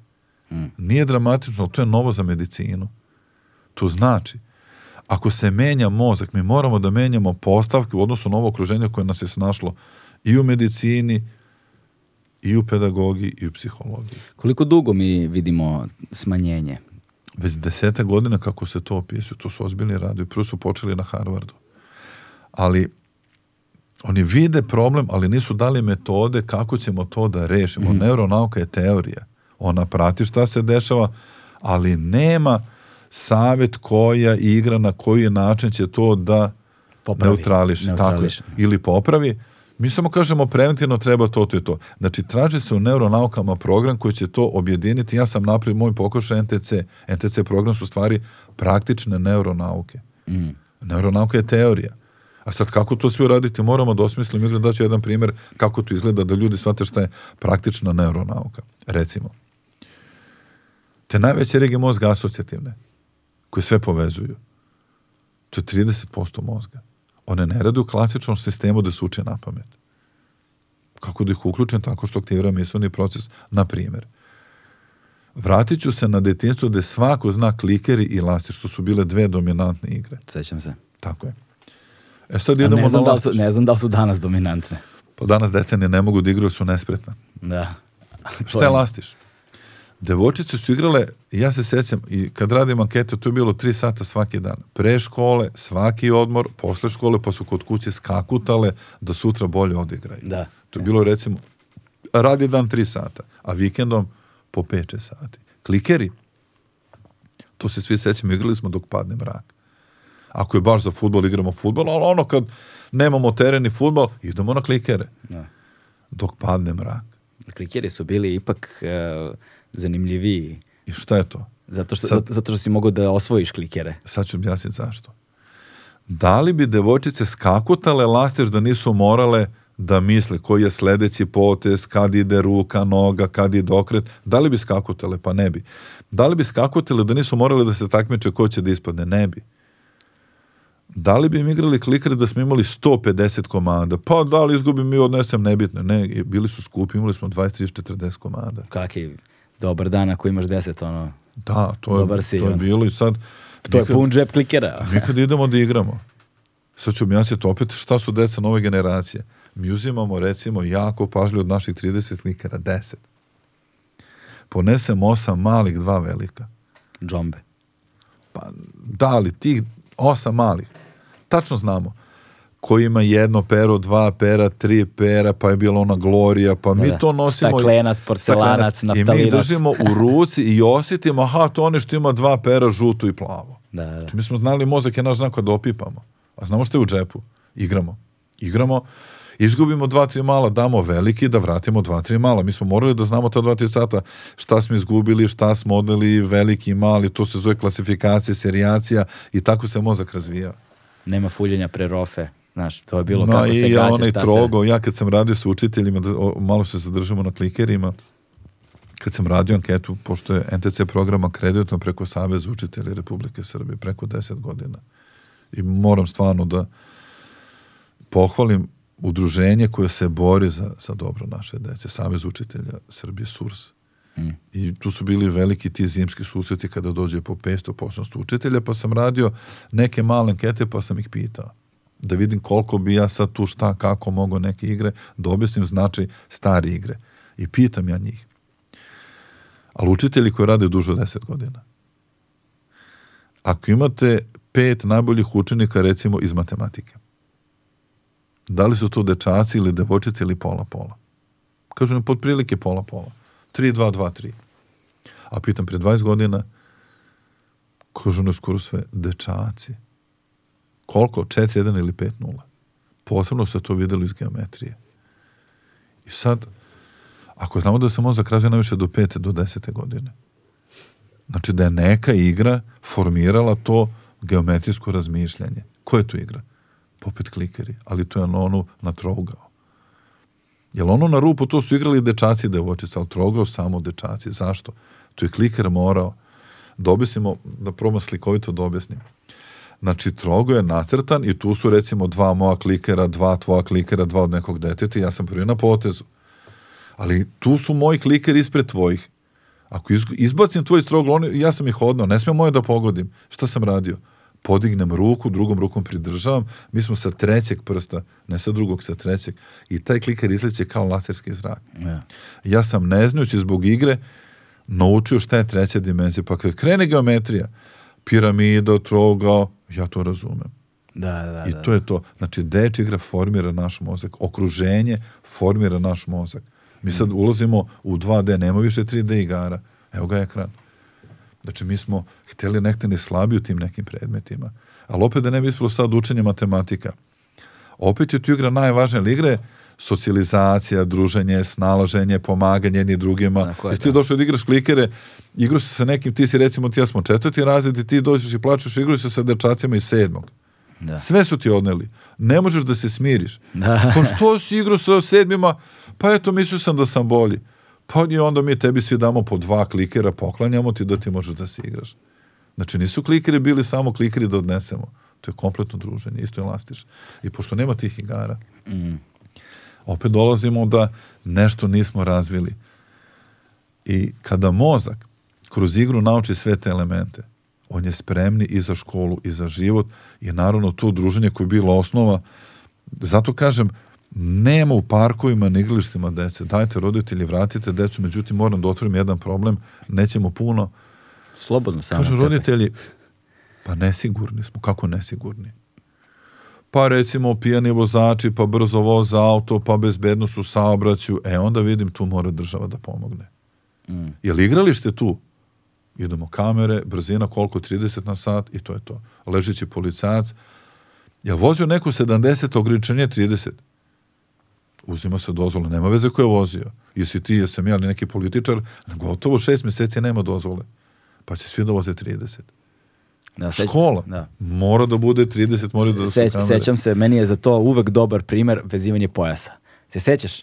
Da. Do 2000, ne znam, treće, četvrte, pete, niko živi pojas nije vezivao. Da, da. To je bilo, ako, ako vežeš pojas, šta je, šta si se uplašio, kao, Da, znaš, da, da, to je, kao ti si slabić, ti Da, si, da, znaš, da, da, ne da, upotrebljavam neke gore izraze, znaš. Sećam se. Je, danas svi vezuju pojas. Danas kad vidiš nekoga da ne vezuje pojas, to je baš retko. To je baš retko, baš retko. Ono, to je nekako kao neka primitivna zaostavština ljudi koji se još uvijek Mi nisu smo sad adaptirali. junaci, pa ćemo Da. mi sad bez pojasa. Da, da. A onda kad radim u bolnici, kad sam vidio te stravične saobraćene nesreće, kada pojas sačuva život. Mm. Jel pojas tu? Pa što da ga ne stavim? Da, da, da. Dobro vozim, neće mi se ništa desiti. Po redu, šta ako se desi? A tu govorimo između ostalog, sad malo skrećem, skrećem, skrećem sa teme, ali tu recimo govorimo o tome koliko je zanimljivo a, načina koji su velike korporacije i kompanije imale neku vrstu društvene odgovornosti u, na- recimo pojas je, feno, je pojas je izmi- patent koji je izmislio Vol, izmislila Volvo kompanija. Da, oni su ga prvi. I oni su ga prvi napravili, ali oni što su radili, oni su ga besplatno dali svima. Znaš, kao što Divno, da, divno, to kao, znao da kao, kao što, da, da, kao divno. što je kao što je uh, kao što, kao za brojne za brojne lekove, za brojne vakcine koje danas imamo, koja da je trebalo da se patentiraju, ljudi koji su ih izmislili su rekli ne, nećemo da patentiramo, ovo dajemo besplatno kao Da. civilizaciji da ih ima. I mi danas To znači mi moramo da imamo zakone, a imamo ih, mm, ali da ih sprovodimo. Bezbednost dece da, u saobraćaju, na igralištima, to je posao države. da. Da. Samo sekund, Mare, proveri mi ovo za Volvo, molim te da ne bude da sam lupio glupost, često, često umem tako, izvučem informaciju, Oni ali ne znam koliko je tačno. Oni da, su da. posle, to Da, da, da. nisam znao da su besplatno. Sad- sad- sad ćemo da da saznamo. pohvalimo Volvo, ne, ne reklamiramo tu firmu, da ih pohvalimo. To. Ali ovaj, e sada, a, direktno u vezi sa time, ono što mi, što, što mi se otvara sad dok razgovaramo jeste a, ta društvena dinamika, a, taj socijalni kapital koji se kreira, nazovimo ga tako, dakle u tome klikeri, Dakle, klikeri su ono nekako kohezivno, jel te, vezivno tkivo a, taj i, igre, a ta igra je mnogo više od same igre. Dakle, u toj igri se uspostavlja dinamika Sve. odnosa, razvijaju... Po, pomažu jedni drugima. Tako je. Šta dalje? Evo recimo ti imaš 20 klikeri. Zamisli izgubiš 16. Ostane ti četiri. Vratiš se kući. Ti si tužan. Da. Toliko si tužan da možda čak i plačeš. Da, da. Kažeš, izgubio sam 16 klikera, kažu roditelji, pa ništa, odnaćeš drugi put. Ka... I ti kao dete ne shvataš kako? Onda dođe baka, jao, ja ću ti kupiti dete moje šest klikera. Da. I sad ide sljedeći put, odneseš dva. To je neviđena sreća. Kažeš, bako, odnosno dva klikera. I to je pravi igra. Dete osjeti i tugu, i radost, i iščekivanje, ali sve polako. Da. I razvija finu motoriku, i dinamičku akomodaciju oka, i čučno ustane sto puta, druži se, i to je to. Te igre mi nemamo. Ne može da nama zameni taj mali uređaj sve to što mi sad pričamo. Da, da, da. I ne znam kako roditeljima da objasnimo, naravno slušaju, ne mogu da kažem da roditelji ne slušaju, slušaju. Ali nama se pojavljaju ekstremni primjeri dece koje su vaspitno zapuštena. Nije dete e, dobro ako zna nešto. Ako je dobro u školi. To mora da bude kompletno dete koje je prošlo ceo taj sistem socijalizacije, empatije, igre, pomaganja. Najprirodnije su bili igre mi kad smo bili mali oko zgrade ili u tom kvartu. Tu su bila deca zajedno od 5 do 12 godina, od 7 do 14. Čuvali jedni druge. Jer dete od 7 godina napravi neku glupost, odmah dolazi stari, šta to radiš? Nisu dolazili roditelji, šta si ti pretio mom detetu? To je bilo prirodno. E sad kako to da Stari vratimo su, to? stari su, da. E Mora sad- škola, ja mislim da je škola jedina institucija koja to Sa- je- može da jeste. Volvo, jeste, eto da, nije, znači nisam lupio, da, e. Ali škola je institucija koja to može da popravi. Da. E sad tu dolazimo do ovoga što- si malo prepominjao, uh, like. Dakle, ova dinamika društvena, taj socijalni kapital, sve ovo što smo govorili, sada se to preselilo na društvene mreže. I pohvala kad uradimo nešto dobro je like. To. I, i, kreiranje, da, I kreiranje dinamike uzajemnih odnosa, međuljudskih odnosa. Dakle, okačio sam foto, fotografiju. Sada, ja na taj način testiram ko su mi prijatelji. Ko mi nije, o- ovaj mi nije lajkovao, a mislio sam da smo drugari. A kad zatrebaju u pravom životu prijatelji, nema ih nigde. Tu su površni odnosi bez ikakve, ne znam da li ima tu neka svrha. Da, i sada problem je u tome što tu se dešavaju takozvani, kako sam ih ja negde ono, nazvao fragmentarnim odnosima. Jer ti imaš jedan format online, da li je to broj karaktera na Twitteru, da li je to fotografija na Instagramu, da li je to, znači imaš neku vrstu formata kroz koji se komunicira neka poruka. Prvo ona se dešava a, a, a, a, u virtualnom svetu, što znači da onaj ko je slao poruku je slao sa jednog mesta, onaj ko je primio poruku je primio na nekom drugom mestu. Onda postoji a, anahronost, znači u trenutku kada je neko poslao da nije isti trenutak kome je neko video, što već stvara različite svetove iz kojih poruke dolaze i kojima se primaju, okolnosti, svašta nešto drugačije, a onda iza toga svega moraš da, moraš da uzmeš u obzir nameru tog nekog koji je slao poruku. Da li je to bilo cinično, ironično, maliciozno, a, svesno, nesvesno, ili kako klinci to nazivaju danas shitposting, znaš, da li je samo bilo neka zajebancija, sprdnja, šta god, a ti imaš taj ograničen format. Ti moraš da kreiš, pa imaš neki avatar, pa imaš neko ime, pa to ime može da bude I nešto. mi reagujemo na to. I ti moraš nekako da razviješ alate, da tumačiš sve to. I to je površnost, jer mozak nema dubinu obrade više. Nema, nema. Te informacije stižu jako brzo. Ali, ne, ne, ali šta je ne, nedostaje? Nedostaje i ono što, kao sad ja sedim i posmatram tebe i gledam te, gledam ti neverbalnu komunikaciju, gledam ti govor tela, gledam te, vidim te kako me gledaš, kako se ponašaš, da li me lažeš ili me ne lažeš. Te stvari se ne razvijaju takođe, čini mi se. Čini mi se da... Pa to je hipokampus, on mora da prima informacije čulima da bi se razvio. Mm. Ako ja samo primam vidom, ja neću razviti taj važan hipokampus. Da. Znači mora ipak da se uključi okruženje. Da. I mi sad dolazimo do tih problema da ta komunikacija, ti lajkovi e, zapravo oštećuju našu decu. Oni pokušavaju da imaju što više lajkova i sad informacije stižu brzo. To svi vidimo da stižu sve brže. I često objašnjam čak i studentima. To je važno predavanje. Kako mozak radi ko se razviju hiljadama godina? Ne možemo mi da očekujemo da mozak sad za 10 godina klikne i bolje radi. On će raditi slabije kad mu promenimo okruženje. Na primjer, pre 100 godina dete primi dnevno rutinske informacije i jednu važnu dolazi baka. Mm. Da. Pa jednu važnu kokoška pobegla u šumu, sad idemo da je tražimo. Dalje pojeli lice se ne potražimo kokošku. Pa jedna važna informacija, ne znam, pokvario se sir. Mu uzvu kravu, pravio sir i sad nešto nije u redu sa tim sirom. To su važne informacije bile. Tako mozak radi, dom prima da vidi i tako dete uči. Onda se pojavio radio. I sad ipak više informacija stiže. Pa TV crno-beli, pa u boji, pa ona je bila satelitska antena sa 30 kanala, pa kablovska sa 50 i 20 dečjih programa. Ipak je to mozak mogao, ipak dete gleda TV dva sata, ajde. I to je puno lajde dva sata. I odjednom dolazi internet, prvo na kompjuterima nije problem i sad je integrisan u telefone. I kada dete gleda u telefon, pa i mi, to nije deset važnih informacija, to je reka informacija. Šta mozak radi? Pa ne može da obradi. Ali hoćemo da imamo lajkove. Onda gledamo šta je najbolje, kako, i mozak radi panično, mi postajemo kompjuteri. Mi radimo za kompjuter u stvari. Što je potpuno obrnuto, pa kompjuter valjda treba da radi za nas. U stvari mi počnemo da radimo za kompjuter. Šta se onda dešava? Gubi se empatija, mi kao da postajemo E, to sam, to, sam- to, to sam hteo da, da kažem, zato što mi je veoma zanimljivo bilo kada smo razgovarali prošli put. Ovaj, a, ti si napisao tekst, to mogu ljude potraže na sajtu Detinjarija. Da. Detinjarijama, koji nosi naziv a, a, Deca bez tolerancije. Odnosno, a, To je to, ne, du, duži je naziv, duži je naslov, nešto, deca bez, be- deca bez granica. Deca bez granica, sa manje tolerancije i tu sam čak i postavio pitanje pre četiri godine šta će biti za četiri, pet godina ako ne odreagujemo. E, hajde Jer to je generacija koja stiže, to je trend.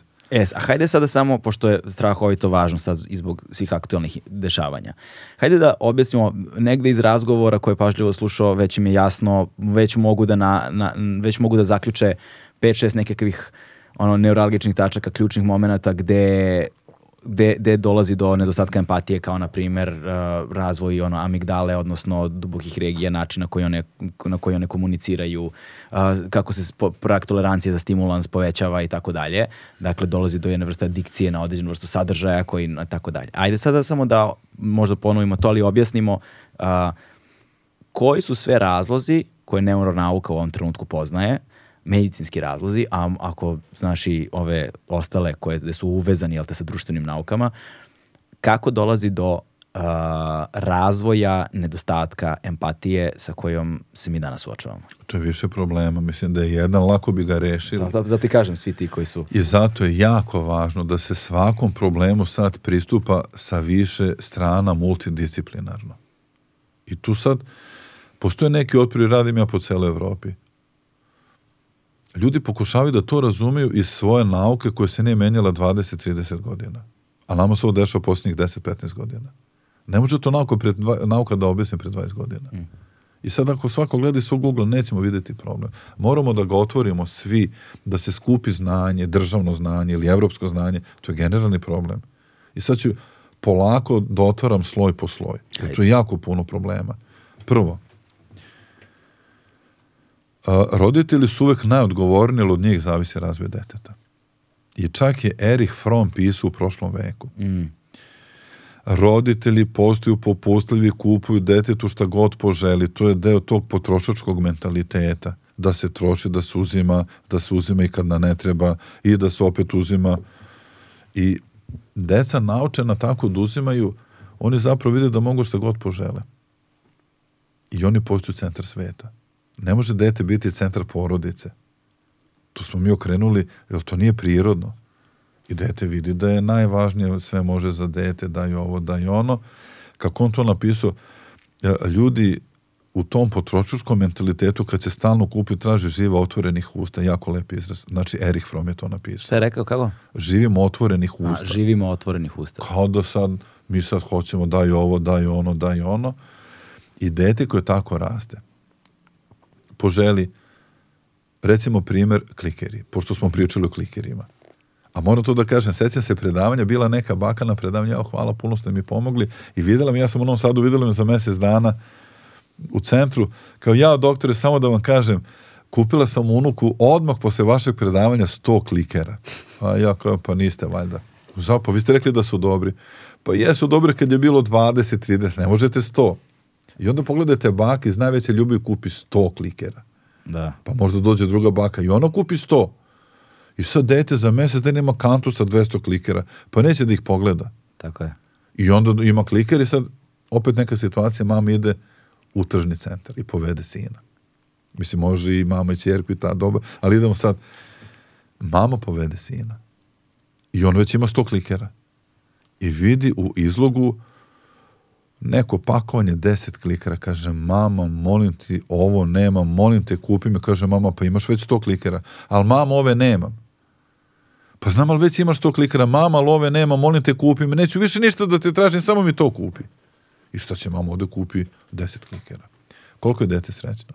Pa možda minut. Mi njih obasipamo poklonima, nekad se poklon čekao. To je jako važno, naučite dete strpljenju, znači da čeka, I sad izađu iz te prodavnice. Dete gleda, gleda klikere i to je to. Ali posle pet minuta, to je tržni centar, vidi druga prodavnica, neke drugačije klikere. Mama, hoću ove. Pa sad sam ti kupila. Ne, ne, ne, nisam tek teo, hoću baš ove. Pa ne mogu, sad sam ti kupila ove, već imaš to klikera. Sad mama objašnjava, to dete ne čuje. Ne mogu, kupila sam ti sine deset klikera, ni to ti nije treba. Mama, nisam hteo da ih neko, molim te, hoću ove klikere. Šta će žena? I dete kaže, mamo, to sad dete naravno ubeđuje, mama, evo obećam, neću ništa više da tražim mesec dana ili neću ništa, dva dana ništa, samo mi to kupi, evo ništa neću sedam dana da tražim. Samo mi to kupi. I mama neće ili hoće. I dete krene da plače. Vale se po onom, hoću mama, vrišti, znači frustracija i šta će mama od sramote kupi klikere. Koliko je dete srećno? Pa minut. I manje, s obzirom na prošlu Pa, na polovinu. To znači, kada detetu dajemo sve, kada postaje centar sveta, on to tako doživi. Ako nešto ne može, ne može da istrpi. Onda šta je drugi problem? Ima, imate roditelje koji su previše ambiciozni. Ja kažem, ambiciozni roditelj, to je u redu, dočekamo dete da nauči da čita, da piše, da se druže, da pomogne drugima, ali imate preambiciozne roditelje koje teraju dete na dve, tri aktivnosti. Imam čak roditelje, pa sam rekao, nemojte to da radite. Uzimaju časove matematike privatne od šest godina dete koje je već pametno da se bolje spremi za školu. Šta ćemo to? I onda, naravno, ta deca trpe taj pritisak, jer dete kao dete voli roditelji, neće da ih razočara. I dete ulazi u svet koji nije njegov, odjednom počinje neko takmičenje, da je najbolji, da najbolje zna jedan predmet, drugi predmet, treći predmet, ide u muzičku školu, ide na balet. Neka deca vole to da rade, ne mogu to sva deca. Onda roditelji neće da njihovo dete zostaje. I onda kreće pritisak na decu. Dete koje tako radi, vidio sam tu decu, jako su nesigurno u sebe. I ću samo dati primer, igrao sam šah, imamo taj deče šah, NTC šah. To je dete bilo pet godina. I oni to nauče da igraju za dan, dva i oni igraju svi. I malo ovi izgubi, jer ja njih ne pustim da me pobede. Ja njih učim da se bore, da se trude, da misle i pobede me, naravno, ali oni kad mene pobede, to je sreća. Kad odigraju nerešeno remi, to je sreća. Kad izgubi, izgubili su od mene, igrate vi međusobno sa sobom. Ali ja ih učim kad igram. Ne da ih pobedim, gde su pogrešili, analiziram u toku partije, nisi smeo to da odigraš, sad ću ti pojesti dve sličice, ali to je naš je specifična figura, jedu neke sličice. I to je tako, već par godina igramo i jedno dete izgubi od mene. I krene da plače. Ali plače tako da ne može da se smiri. Mi ne možemo da smirimo pola sata. I pomislim, još šta sam uradio, bolje da sam je pustio da me pobedi. Ali nije problem do igre, nego do roditelja koji pritiskaju dete. I ta deca nama kreću u školu anksiozna, uplašena, da ne razočaraju roditelje i kao takmičarske nastrojene kreću u školu da budu najbolji, da budu najbolji. To nije prirodno. Oni treba da budu najbolji kroz igru, kroz druženje. I sad ta deca koja nam tako stižu u školu, već gledaju drugu decu kao konkurenciju. To je druga greška. Šta je treća greška? Kada krenemo da se svađamo mi roditelji, ne ja, nego mi roditelji za ocenu. Znači, nama je jedina šansa, ako smo negde pogrešili, mi roditelji, škola.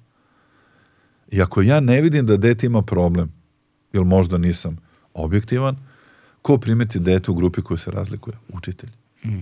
I on mora da reaguje. I reaguje. Ali onda dolaze roditelji, vređaju učitelje, svađaju se s učiteljima, traže ocenu. Ja sam imao iskustvo, jedno vidio sam prvi put zavisnik od video igrice, ali potpuni zavisnik, znači ja sam vidio tu decu koji su zavisnici. Ovaj mali. Bili smo na kampu, bio ručak, to je prvi dan, i dete ustane i krene da vrišti. Ali tako vrišti da smo se sledili, mi dotrče to do njega, neću da kažem kako se zove. Šta je bilo? Kaže on, ništa, sve u redu i sedne i nastavio da jede. Ručak je bio. Ajde, dobro, mislim se možda prvi dan ima neki stres. Popodne. Nasred, tu da smo bili u dvorištu kod hotela, krene da vrišti. Ali on uhvati prvu devojčicu do sebe, krene da čupa za kosu. To je takav agresivni ispad, mi dotrčamo, skidamo ruke, ona plače da očica, mi je smirujemo. Ja kažem, šta to radiš? Kaže, sve u redu, ne znam šta je bilo. Ali nije to do ne znam šta je bilo. Pa ko nema neku kontrolu, kažem, vidi, ako još jedno tu radiš. Ja budem strok na tim kampovima, volimo mi decu, ispoštujemo decu, ali smo pravični. Ako tu radiš, vraćamo te kući prvim autobusom ili će neko da to odveze. I kaže dete, nemojte, molim vas, mama će mu ubiti od batina. E sad, po da, Moguće da je tu istina pod B, moguće da dete već radi neku manipulaciju da izazove sažaljenje. Ali ajde, mi ćemo da ga pratimo, tu smo oko njega. Ja mu kažem, a vidio sam kad krene da vrišti, on se namešta nekako pomere ramena glavu. Ja kažem, kad ti dođe to, molim ti idi u sobu, otrči u sobu i tamo vrišti. Kaže on, dobro. I treći put taj dan, ja vidim, on se namešta, krene glava ramene i trk u sobu, ja za njim. Ali on je brže od mene, trči u sobu i ja čujem kako vrišti. Otkšin, otkšin, otkšinuta vrata, ja gledam, on vrišti, otvara plakar i vadi knjigu. I krene da lista knjigu i smiruje se. Knjiga ga je smirila, pomislim, kako je to knjiga kad knjiga smiri dete. Ja uđem od njega i se dobro, jesam, šta čitaš? Neću reći koja igrica. To je video igrica oštampana u okviru neke knjige on gleda detalje iz video igrice, to je knjiga specijalna, za tu video igricu on to gleda i smiri se. I meni je žao deteta, tu smo pričali, bili su njeko dva prijatelja. I ja shvatim, on je zavisnik od video igrice. I tako se manifestuje kriza. Naj, ona, najgora kriza. I onda shvatim, malo kroz priču njega, mama poslala na NTC kamp kao šest dana bez video igrice, dala mu je knjigu, a ako izdrži da će opet moći da igra, vada mu je zabranila, ne može mama da se izbori.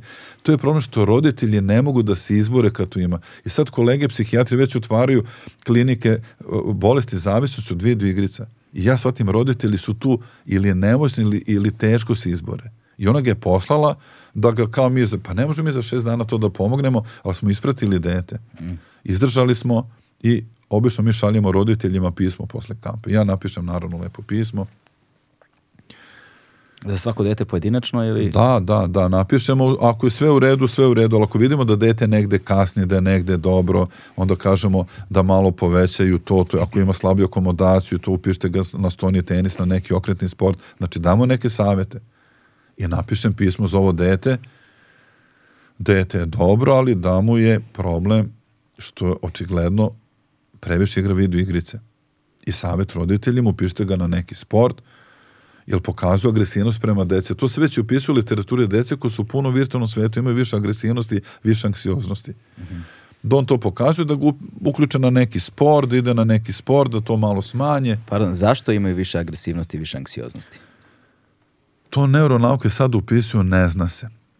Ali odgovor može biti jer mozak reaguje kada nešto vidi u kompjuteru i u realnom svetu iste strukture mozga. I ako on dobija puno dopamina, puno endorfina ili neš, nešto što je agresivno i sad mozak živi u tom svetu koji nije prirodan.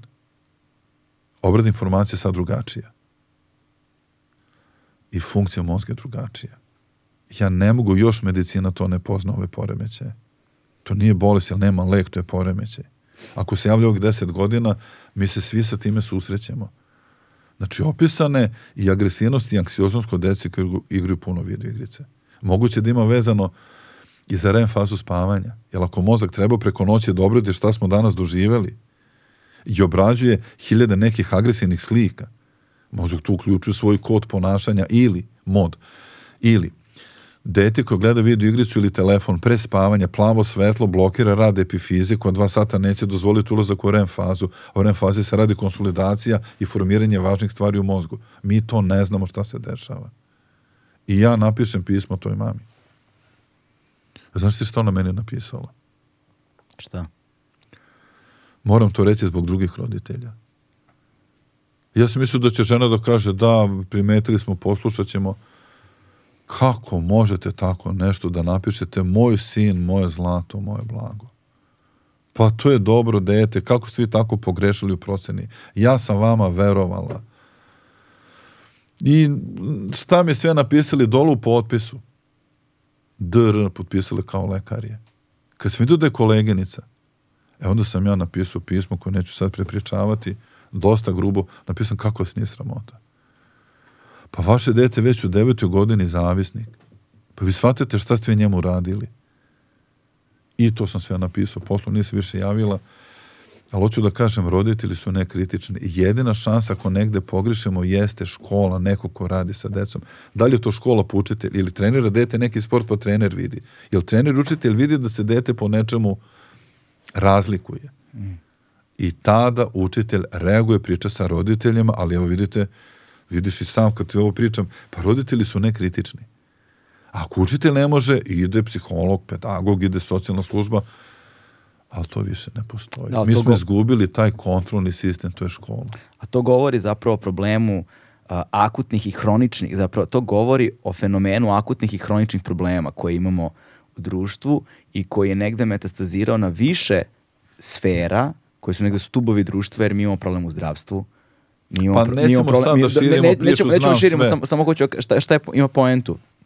Imamo problem u prosveti, imamo problem na, jel te, socioekonomski problemi, jel te, egzistencijalni, sve, ovakve, sve. svim nivoima imamo probleme i onda imamo medijski ekosistem takav kakav je. Ono što se kao posledica svega toga desilo i onda imamo imperativ brzine u tom sistemu kroz mreže i kroz sve da budeš prvi, da budeš najbolji, da budeš la, la, la. I šta je sad fora? Destabilizo, destabilizovali su se centri poverenja i uh, destabilizova i došlo je do relativizacije znanja. I sada mi uh, idemo na oni Danin Krigerov efekt. Danin Krigerov I one koji zna ne zna da ne zna. A one koji nema pojma, on priča o svemu Tako, kao da e, zna. I imamo medijski ekosistem koji, jel te, klik je čing čing zarađena kinta i onda nema nikakve odgovornosti za ono što se desilo, svi jure analitiku. I sada uh, u vezi sa ovim, ne, ne može neko, taj konkretan problem može bude primer, ali se i sam vrlo često nalazim u dilemi. Da li je ono što ja znam, da li ja to zaista znam? Da li ono što ti znaš, zaista znaš? Kako ja da znam da mogu da verujem tebi? I na osnovu čega mogu da ti verujem kada na svakom ćošku mogu da nađem milion jedan razlog zašto ne mogu da ti verujem? Dakle, potpuna destabilizacija poverenja kao institucije. A to je opet ono internet kada, jel nekad, neko kad je glup nije mogao da priča uh, po forumima, nije mogao da daje svoje mišljenje Istina, nigde. Da. A danas može svako na internetu. Je tako? I da, ali... I sad dolazimo do toga, ja se toga sećam kad sam bio student, kad su meni profesori govorili, te kad puno znate, vidite da ne znate. Što oni meni pričaju? Mm. Ja znam da moram da naučim da dobijem ocenu i sad vidim, što više ulazimo ovo, ja shvatam koliko su nama te neke nepoznate stvari, nedokučive, posebno vezano za mozak. Mm. I onda a, a, dolazim do situacije da se raspravljam sa ljudima koji nemaju pojma ni šta je mozak. I sad kad dolazimo do tih slojeva, došli smo sad roditelji, prezaštićivanje, kupujemo sve što želi dete, uradimo sve za njega, svađamo se za ocenu, to je jedan problem. Kad vidimo šta se dešava sa decom, zašto ta empatija? Dete postaje centar sveta. Sebično. Sve za njega. Kako moj prijatelj kaže, za decu, za svoje decu kaže, šta me kaže briga, nisam ja došao u njihov život, nego oni u moj. I onda dolazim do sledećeg momenta. Dete kreće u vrtić ili školu, a već je centar sveta. Da. Kako se tamo potvrđuje, to smo malo pričali, najbolje patike, najbolje jakne i sad ako gledaju na internetu, sad imamo u školi takmičenje, jer najnoviji model patika se pojavio, svi moraju da kupa, neko dete nema para. I to dete se ne osjeća dobro, a drugi mu se smeju. To što si ti pitao šta ako nema telefon, pa on nema ni patike, on nema ni jaknu. I deca su nemilosrdno, oni njega izušti iz društva. Tako je. I to jedno dete mora da kupi patike da ima, a roditelji rade onda za te patike. Tu škola mora da reaguje.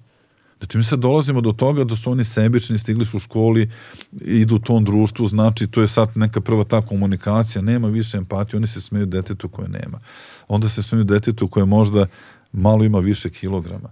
Detetu koje ima recimo bubuljice, snimaju ga, kače na mreže. I sad u tom, ako su od roditelji izašli kao takvi, smeju se, tu već imamo problem. Oni su tu već negde pogrešno usmereni i sad dolazi okruženje, najvažnije. Ako okruženje je važno za razvoj deteta, jeste 100% genetike, potencijal 100% važna, a okruženje je važno 100%. Okruženje je bilo roditelji, vrtić škola i recimo neki sport. Sad okruženje postaje internet. Mm. Roditelji su imali u glavi ranije da je dete, tu je fizički bezbedno, tu je druga ulica, treća ulica, možda ga ne vidimo, ali tu je negde. I to je bilo kao samo da je dete fizički bezbedno. Ali kad uđe na internet, A, a tu je, mi ga vidimo u svojoj sobi, tu je dete nam je fizički bezbedno u sobi, nema veze što ima internet, a u stvari dete ulazi u najmračnije ulice, u najmračnije lavirinte. Da rade bar korisne stvari, pa da kažem nekih ne. Ne. 80% sadržaja na internetu koje naša deca gledaju, to je štetno. Jer mozak gleda, dobije stimulacije, stimulaciju kako? Što gleda agresivne stvari ili neke stvari kako cvet raste? Pa Što gleda agresivne stvari. izvini, pitanje. A, da li mi znamo, da li postoji neka, neko istraživanje, neka statistika, neka analitika, neko ko se bavio time, ko je napravio neku vrstu monitoringa, nekog eksperimenta, ne znam, da vidiš šta to klinci zapravo gledaju. radio sam ja koleginici iz Pule, Maja Ružić. Ona je profesor informatike na pedagogiji. Čak je napisala knjigu Pametno s pametnim telefonom. I radili smo puno istraživanja, objavili smo radove, onda smo čak gledali, da Izvini, samo vidimo da zapišem, pametno s pametnim telefonom. pametno s pametnim telefonom. Vidjet ću tu knjigu da ti donesem s posvetom, da ti Maja potpiše. Šta je problem? Mi ne znamo gde su naša deca. Na internetu, kad je ona gledala, imala je programe da vide koji je program. Ne šta radi ta prepiska privatno, privatno to što dete radi nekaga. A da vidimo koje programe gleda kad. Prvo što smo videli, to smo instalirali uh, na telefonima naše dece, naših prijatelja. Mhm, ok. Znači nije bilo neko veliko istraživanje, ipak morate tu i dozvole od roditelja. Jeste, to je ba, Samo pilot istraživanje. Neka deca igraju ujutro od 1 do 3, dok roditelji spavaju. Ujutro od 1 do 3. Znači dok mi spavamo, oni najnormalniji telefon, onda ujutro. Boli ih ruka, boli ih noga, boli glava, ne mogu u školu. Onda roditelji misle, pa možda dete nije dobro. Onda šta je dalje bilo? Sadržaj.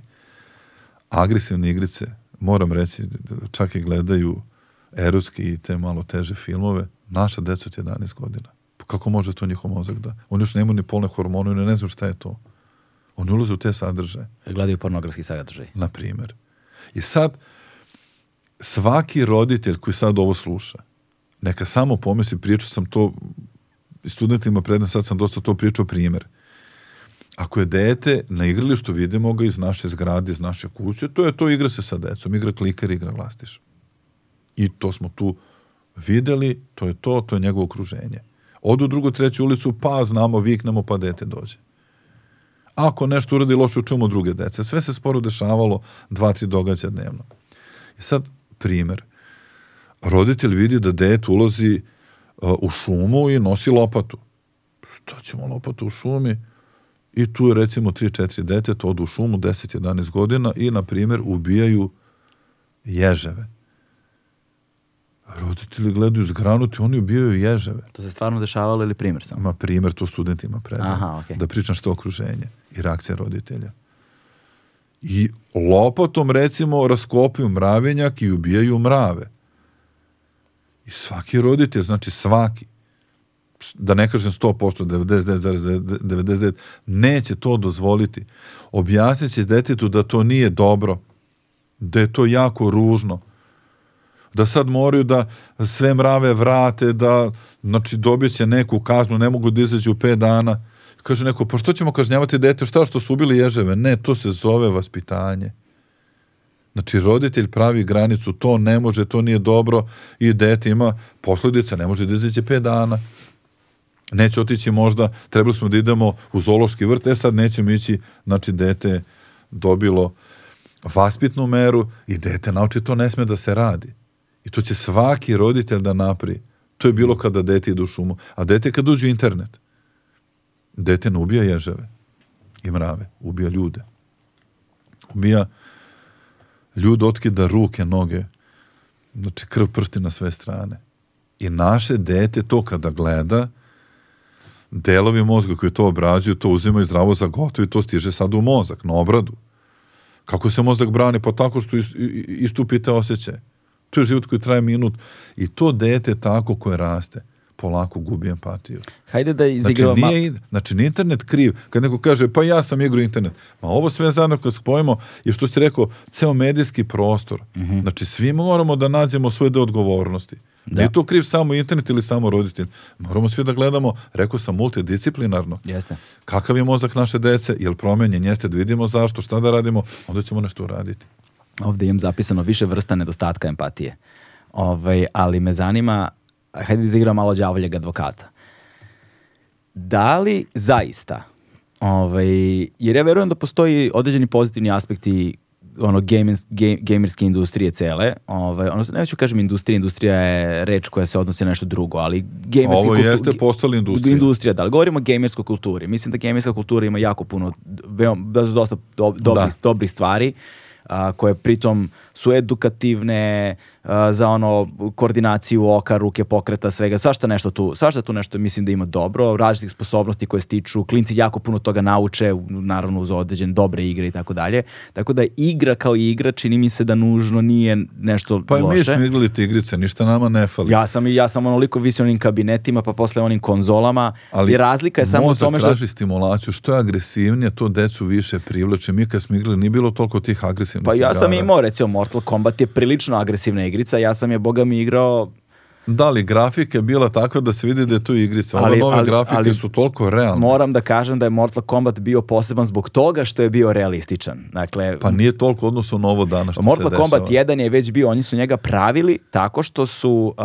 snimali prave ljude i mapirali pa, su ih. Gledao sam ja to, deca moja su igrala. Pa da. Znaš, ali tako. to, mislim, nije to, to ali, što ali, danas ali ono, imamo. Da, ali ono što nama realno deluje danas, za 10 godina će nam delovati loše. Kao, kad, po, po, kao kad posmatramo, recimo, uh, ja, recimo, mi sa Čerkicom imamo sad, ono, ne znam, jednom nedeljno kao bioskop pravimo. Znači, sad kao gledamo filmove, crtane filmove koje sam, recimo, ja voleo.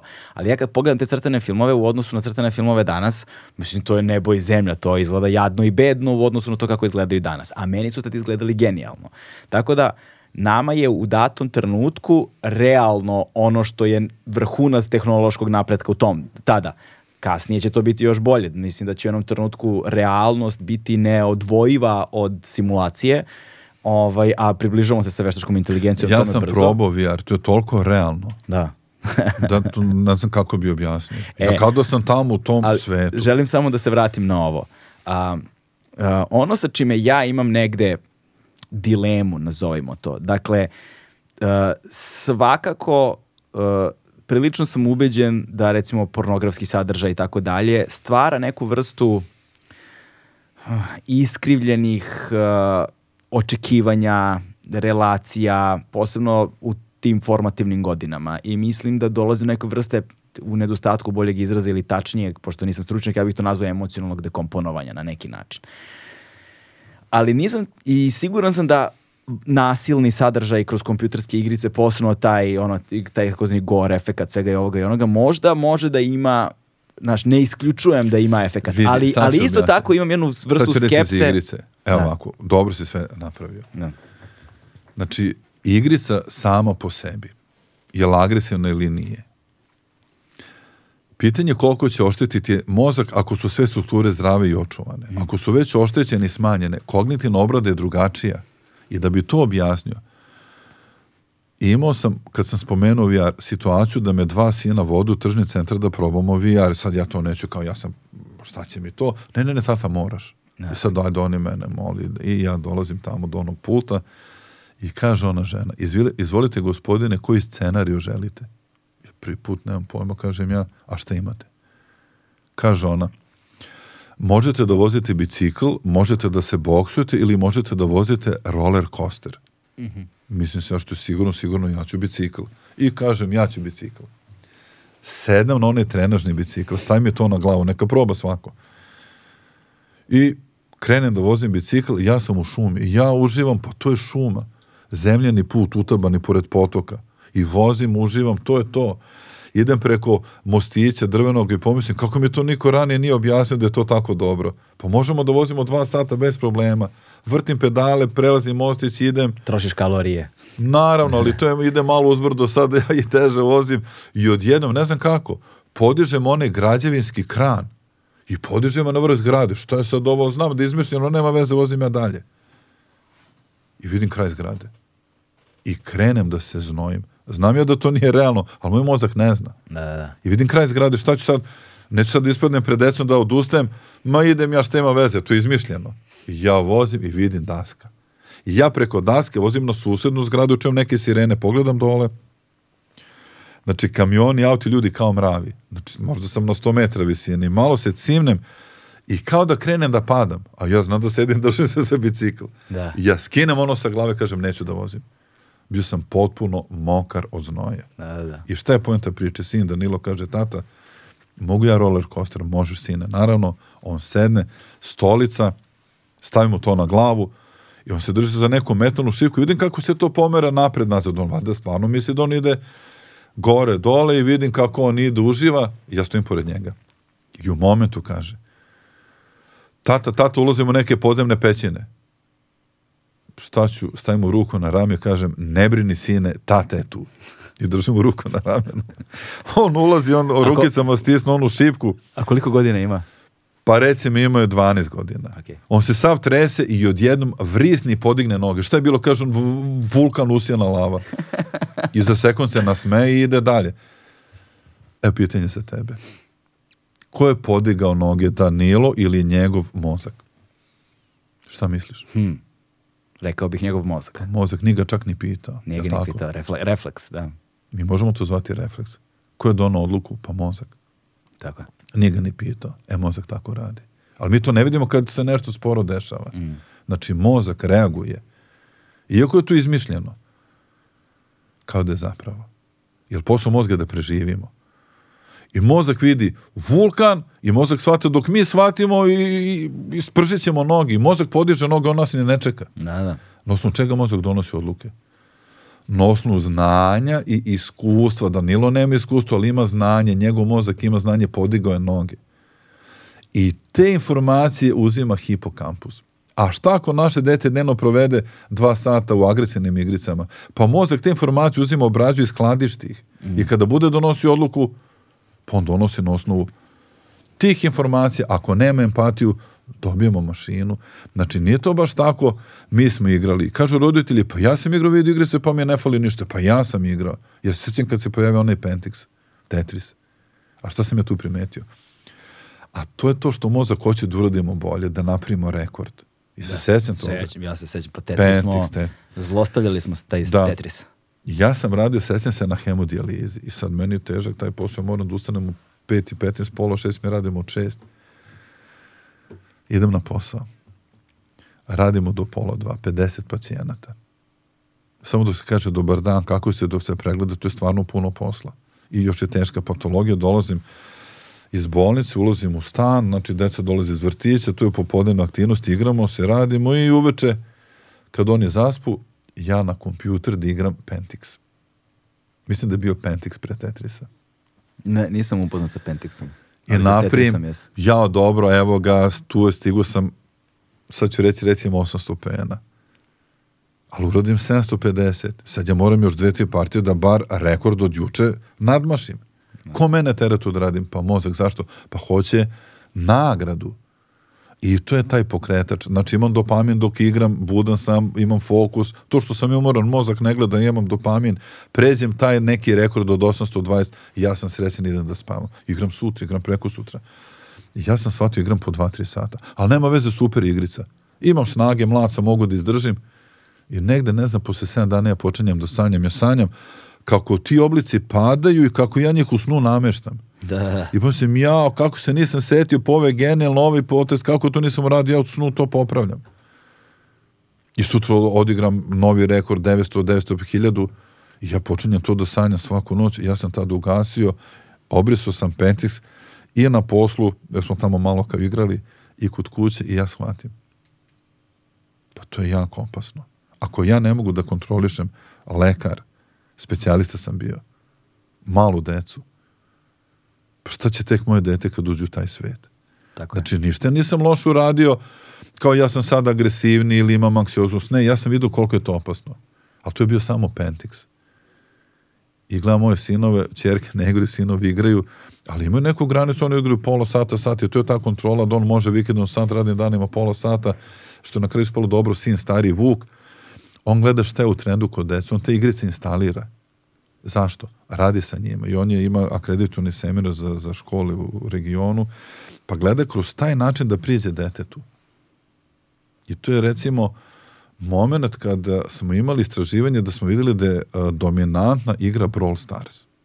Tu su mali junaci, imaju specijalne zadatke. I to je igralo 80% dece.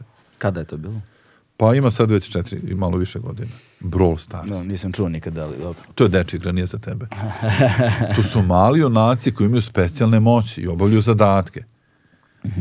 I Vuk to instalira kad vidi, to je u trendu da vidi šta je to. I naravno on to vidi, studira, odigra i da zna o čemu se radi. I dešava se, u školu su nazvali. Tu iz Srbije jedna škola imali su pošto ovo seminar uh, NTC državni preko ministarstva obrazovanja, sad nazove učiteljica, to je nastavnica hemije, kaže ja sam radila seminar, sve sam naučila ili ne znam kako da primenim u hemiji.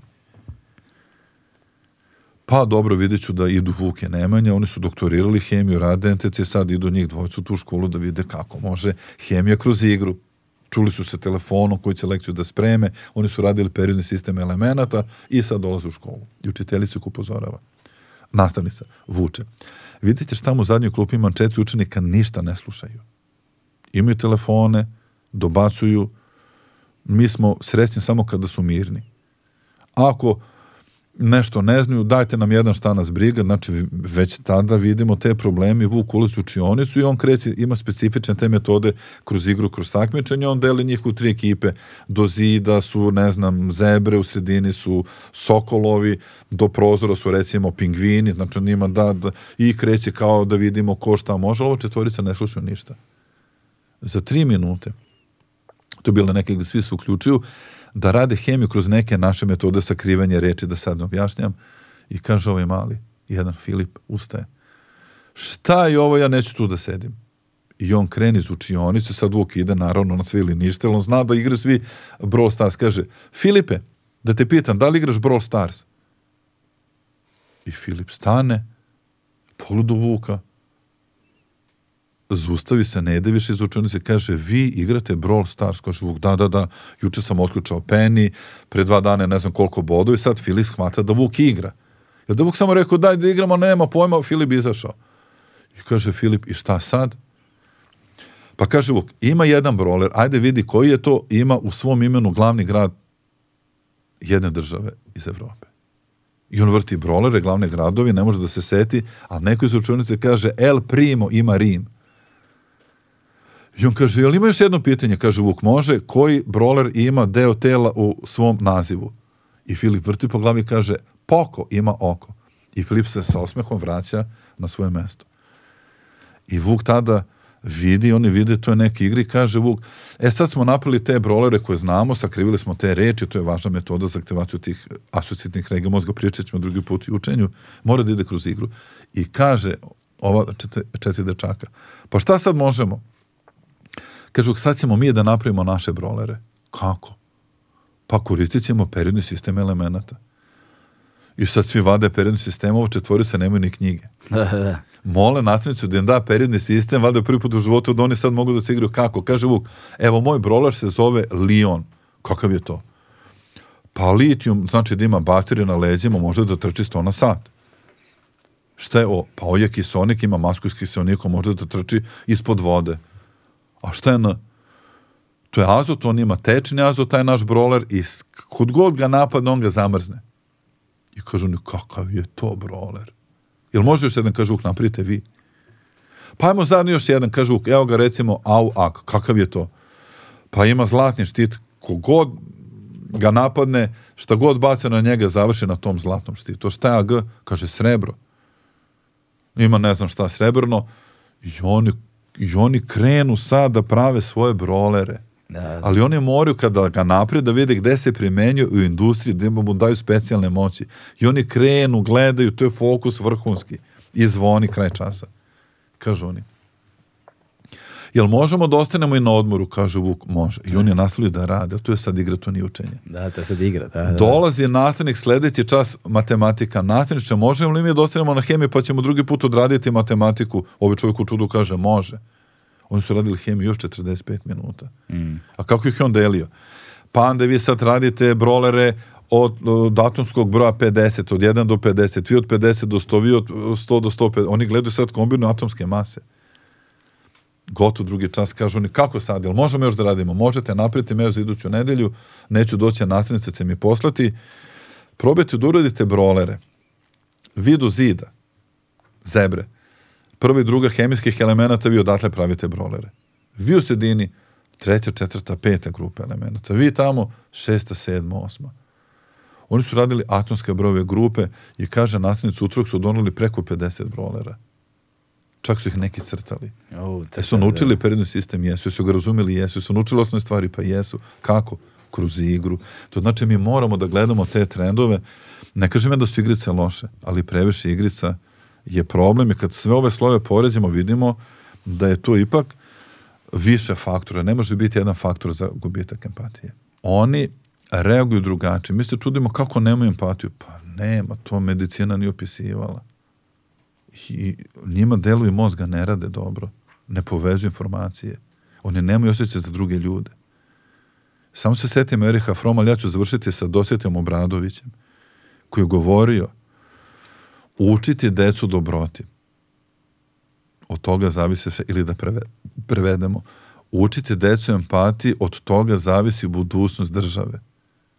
Dece bez empatije, to je propast države. Znači, ponovit ću, da učimo o omladinu, on je govorio mladež, učiti omladinu dobro, dobroti, od toga zavisi sve.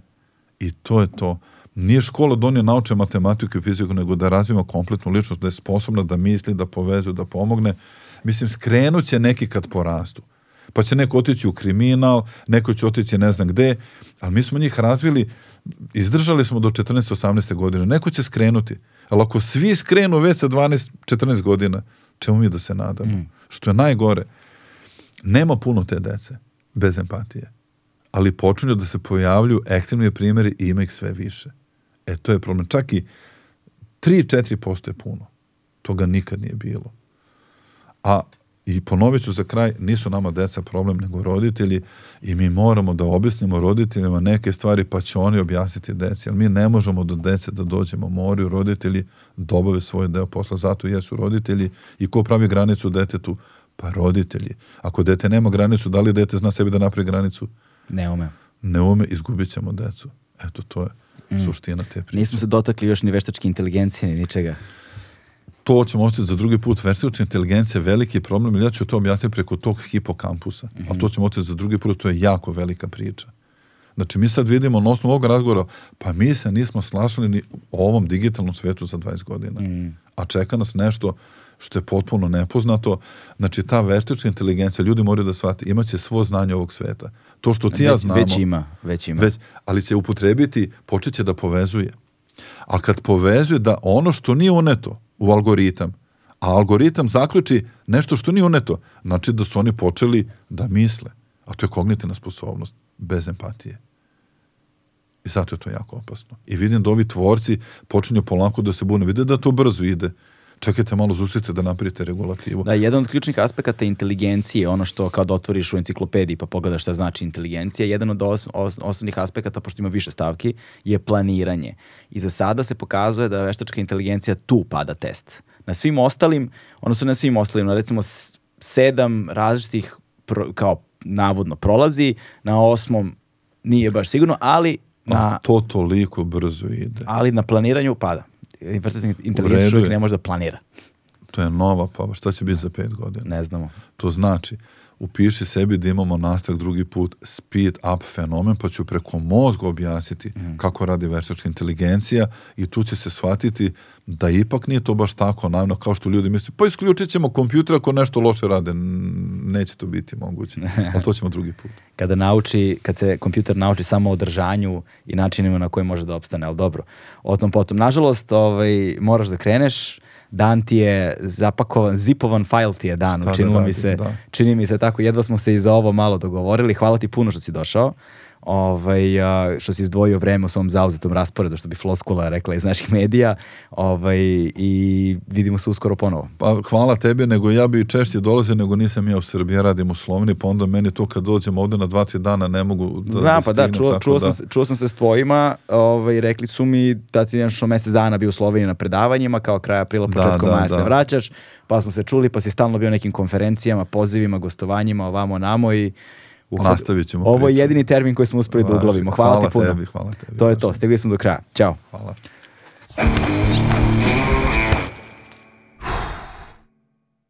Hmm.